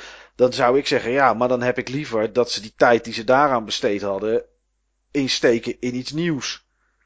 Ja, maar dat kan toch ook gewoon allebei. Nou, Ik denk, groot ik denk dat dit soort, ik denk dat dit soort, eh, eh, dit soort softwarehuizen gewoon de resources hebben om dat echt wel te doen. Ja, dat, dat weet ik niet. Daar, heb ik, tu- daar hebben we natuurlijk geen kijk op.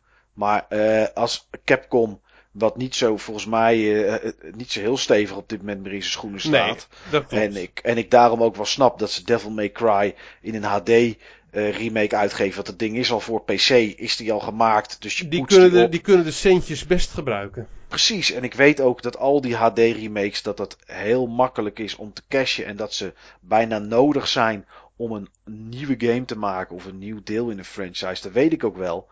Maar daar heb ik als, als gamer natuurlijk in theorie niet zo heel veel boodschap aan.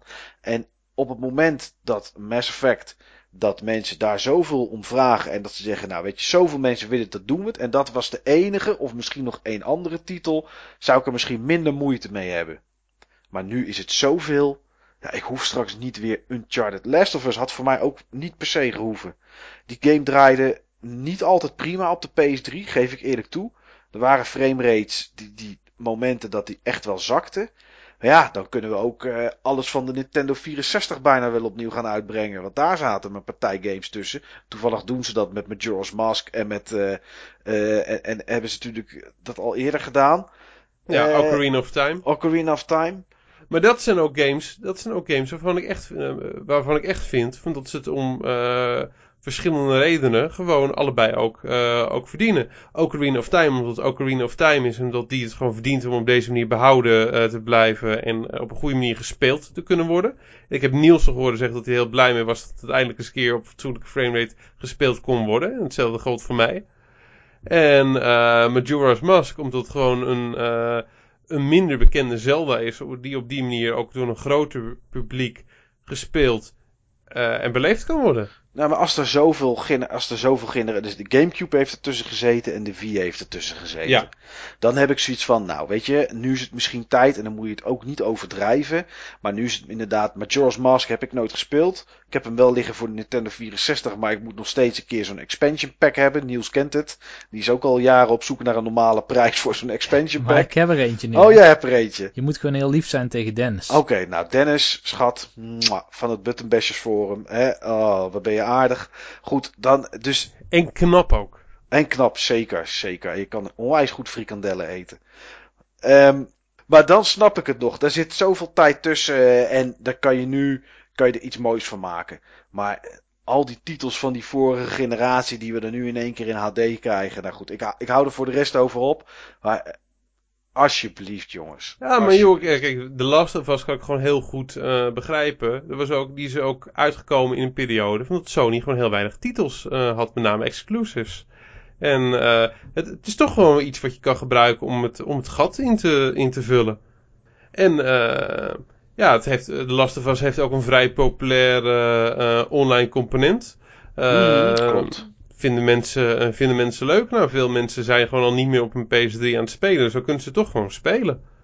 Ja, goed, ik... Uh, maar het zit je hoog, Mike. Ik merk dat het je hoog zit. Nou ja, het irriteert me gewoon. Het irriteert me dat... dat en ik, ondanks dat ik het begrijp uit, uit uh, financieel oogpunt, zeg maar. Als je het vanuit de ontwikkelaar bekijkt. Maar kom op, jongens. Stop er gewoon mee, man. Maar goed. Nou, mijn 60 euro voor de Mass Effect uh, trilogie remake staat al klaar. Oh jongen. Heb, ik, heb ik gereserveerd op de bank staan. Op al kost die 300, 300 euro. Een aparte bankrekening. Al kost die 300 euro, ik geef het er echt niet aan uit. Nee, geen cent gaat er naartoe. Ja, dat heeft misschien met, uh, ook met de reeks te maken. ja, HD remakes zijn ook een uitstekende kans voor mensen om, uh, om hun mening weer te herzien over een game. Ja, gaat niet gebeuren bij Mass Effect. Nou, mooi. Daarom hou ik van je, Mike. Ja, nou, likewise, Steve. Likewise. Dat wilde ik nog even als duit in het zakje doen. Ja, en met deze uitgebreide terugkijk op de Wii U hebben we denk ik alle drie de main consoles uitgebreid de revue laten passeren, toch mannen?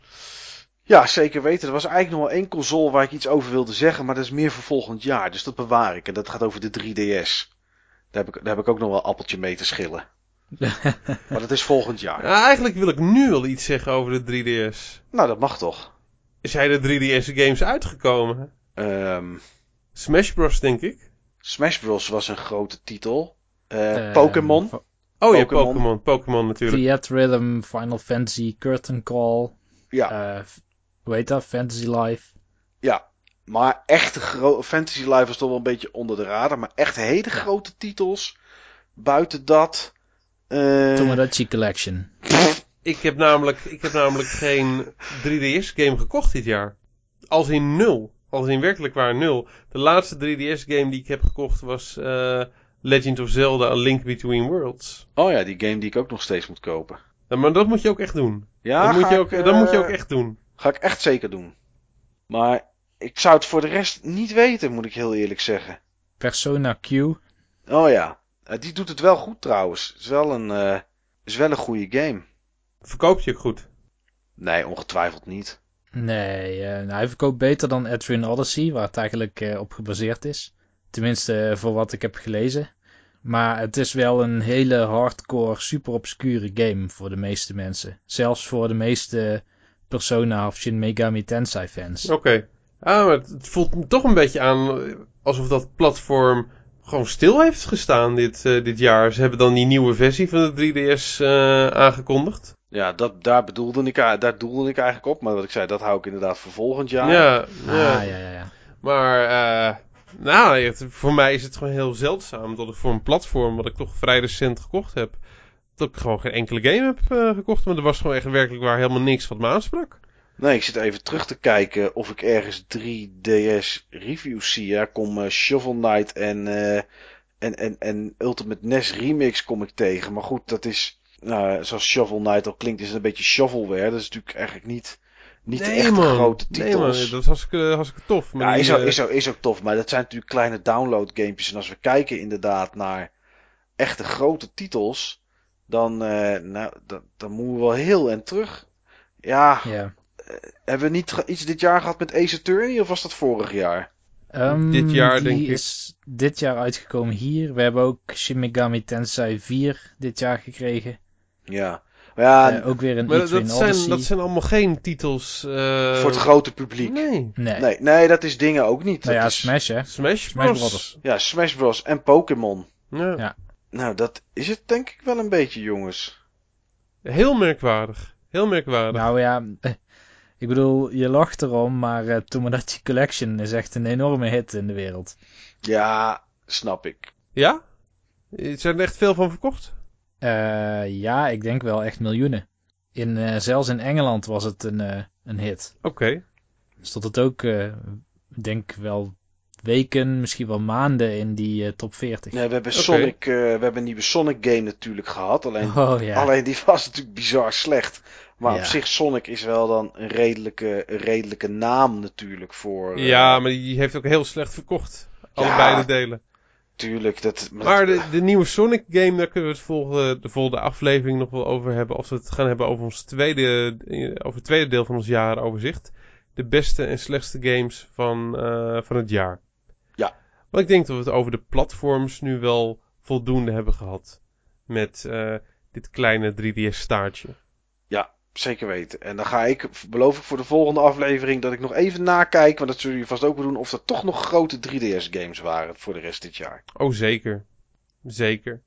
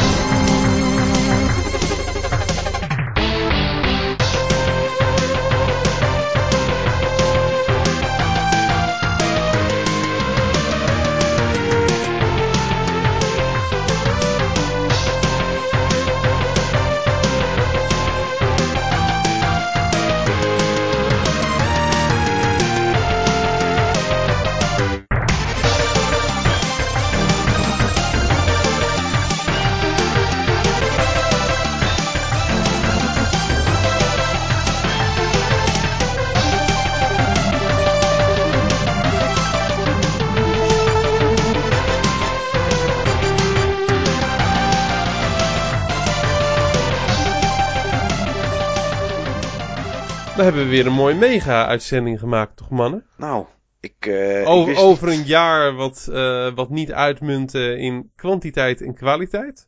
Hoop ik dat we dat met deze podcast allebei weer hebben bereikt. Nou, maar daar, ik, laat ik, daar laten we graag onze, ja, onze luisteraars en eh, de leden van ons forum over, eh, over oordelen. Ja. ik denk dat ik, een, eh, dat ik nog nooit zo lang mijn plas heb opgehouden, ook als tijdens het maken van deze podcast. Ja, dat is, eh, dat is maar goed dat je zo getraind bent daarin, eh Mike. Ja, want ik ben wel naar die Hobbit Marathon geweest natuurlijk. Dat scheelt. Oh ja, dan ben je wel goed getraind in het ophouden van plassen. Ja. Ja. Had je geen fles meegenomen? Uh, nee, nee, nee, nee. Je mag geen zelf, zelf meegenomen beverages meenemen. dus uh, ja, dan, dan word je eruit gezet in ja, Enschede. Dat moeten we niet hebben natuurlijk. Ook niet als het, als het zelf gefabriceerde beverages zijn. nee, zeker ook niet dat je bezig bent met het lozen van die beverages. Dat je er dan uitgezet wordt. Ik denk dat dat wel uh, een beetje een gênante betoning zou worden. Zijn, zijn er veel bioscopen in Enschede? Waarschijnlijk niet hè? Twee. Ja, dan denk ik niet van dat je zeg maar ook een restraining order voor een van die uh, Nee, want het is ook nog van dezelfde eigenaar. Het zijn alle twee Wolf. Dus dan ben ik gewoon echt een shark als dat gebeurt. Nee, laten we dat maar niet doen. Nee, is niet zo slim. Niet doen. Maar uh, ja, ik hoop in ieder geval uh, dat mensen dit weer een leuke uitzending vonden. Ik vond het in ieder geval leuk om dit met jullie op te nemen. Ik kijk nu al uit naar het tweede deel van ons, uh, van ons jaaroverzicht, onze persoonlijke jaarlijstjes. En uh, ja, ik, uh, ik hoop dat ik zeg maar in de laatste, laatste weken, zeker dagen van, uh, van 2014 nog eventjes wat dingen kan spelen. Want ik vraag me af of ik überhaupt drie titels echt voldoende gespeeld heb om zeg maar in mijn jaarlijstje te zetten. Dus maar ik, uh, ik, heb, ik heb goede hoop. Het gaat in ieder geval de goede kant op en ik merk alweer veel verschil. Dus nou, dan moet, het, dan moet het goed komen, Steven. En anders, dan fluister ik je wel gewoon drie Nintendo-titels in die je op kan noemen. Oh, is goed joh, is goed joh. Ga ik doen. Oké, maar mensen, allemaal tot horens. Uh, althans, tot horens van ons. En, uh, nou. Of tot ziens op het forum. Of tot ziens op het forum.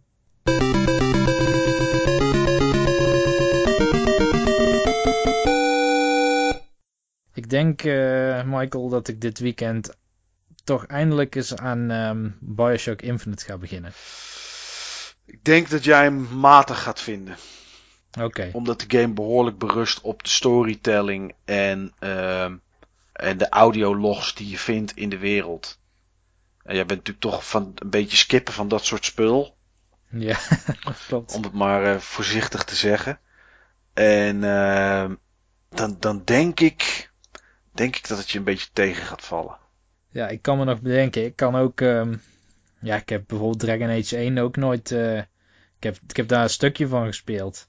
Ja. Die zou ik ook gewoon... Uh, Origins zou ik ook gewoon kunnen gaan spelen.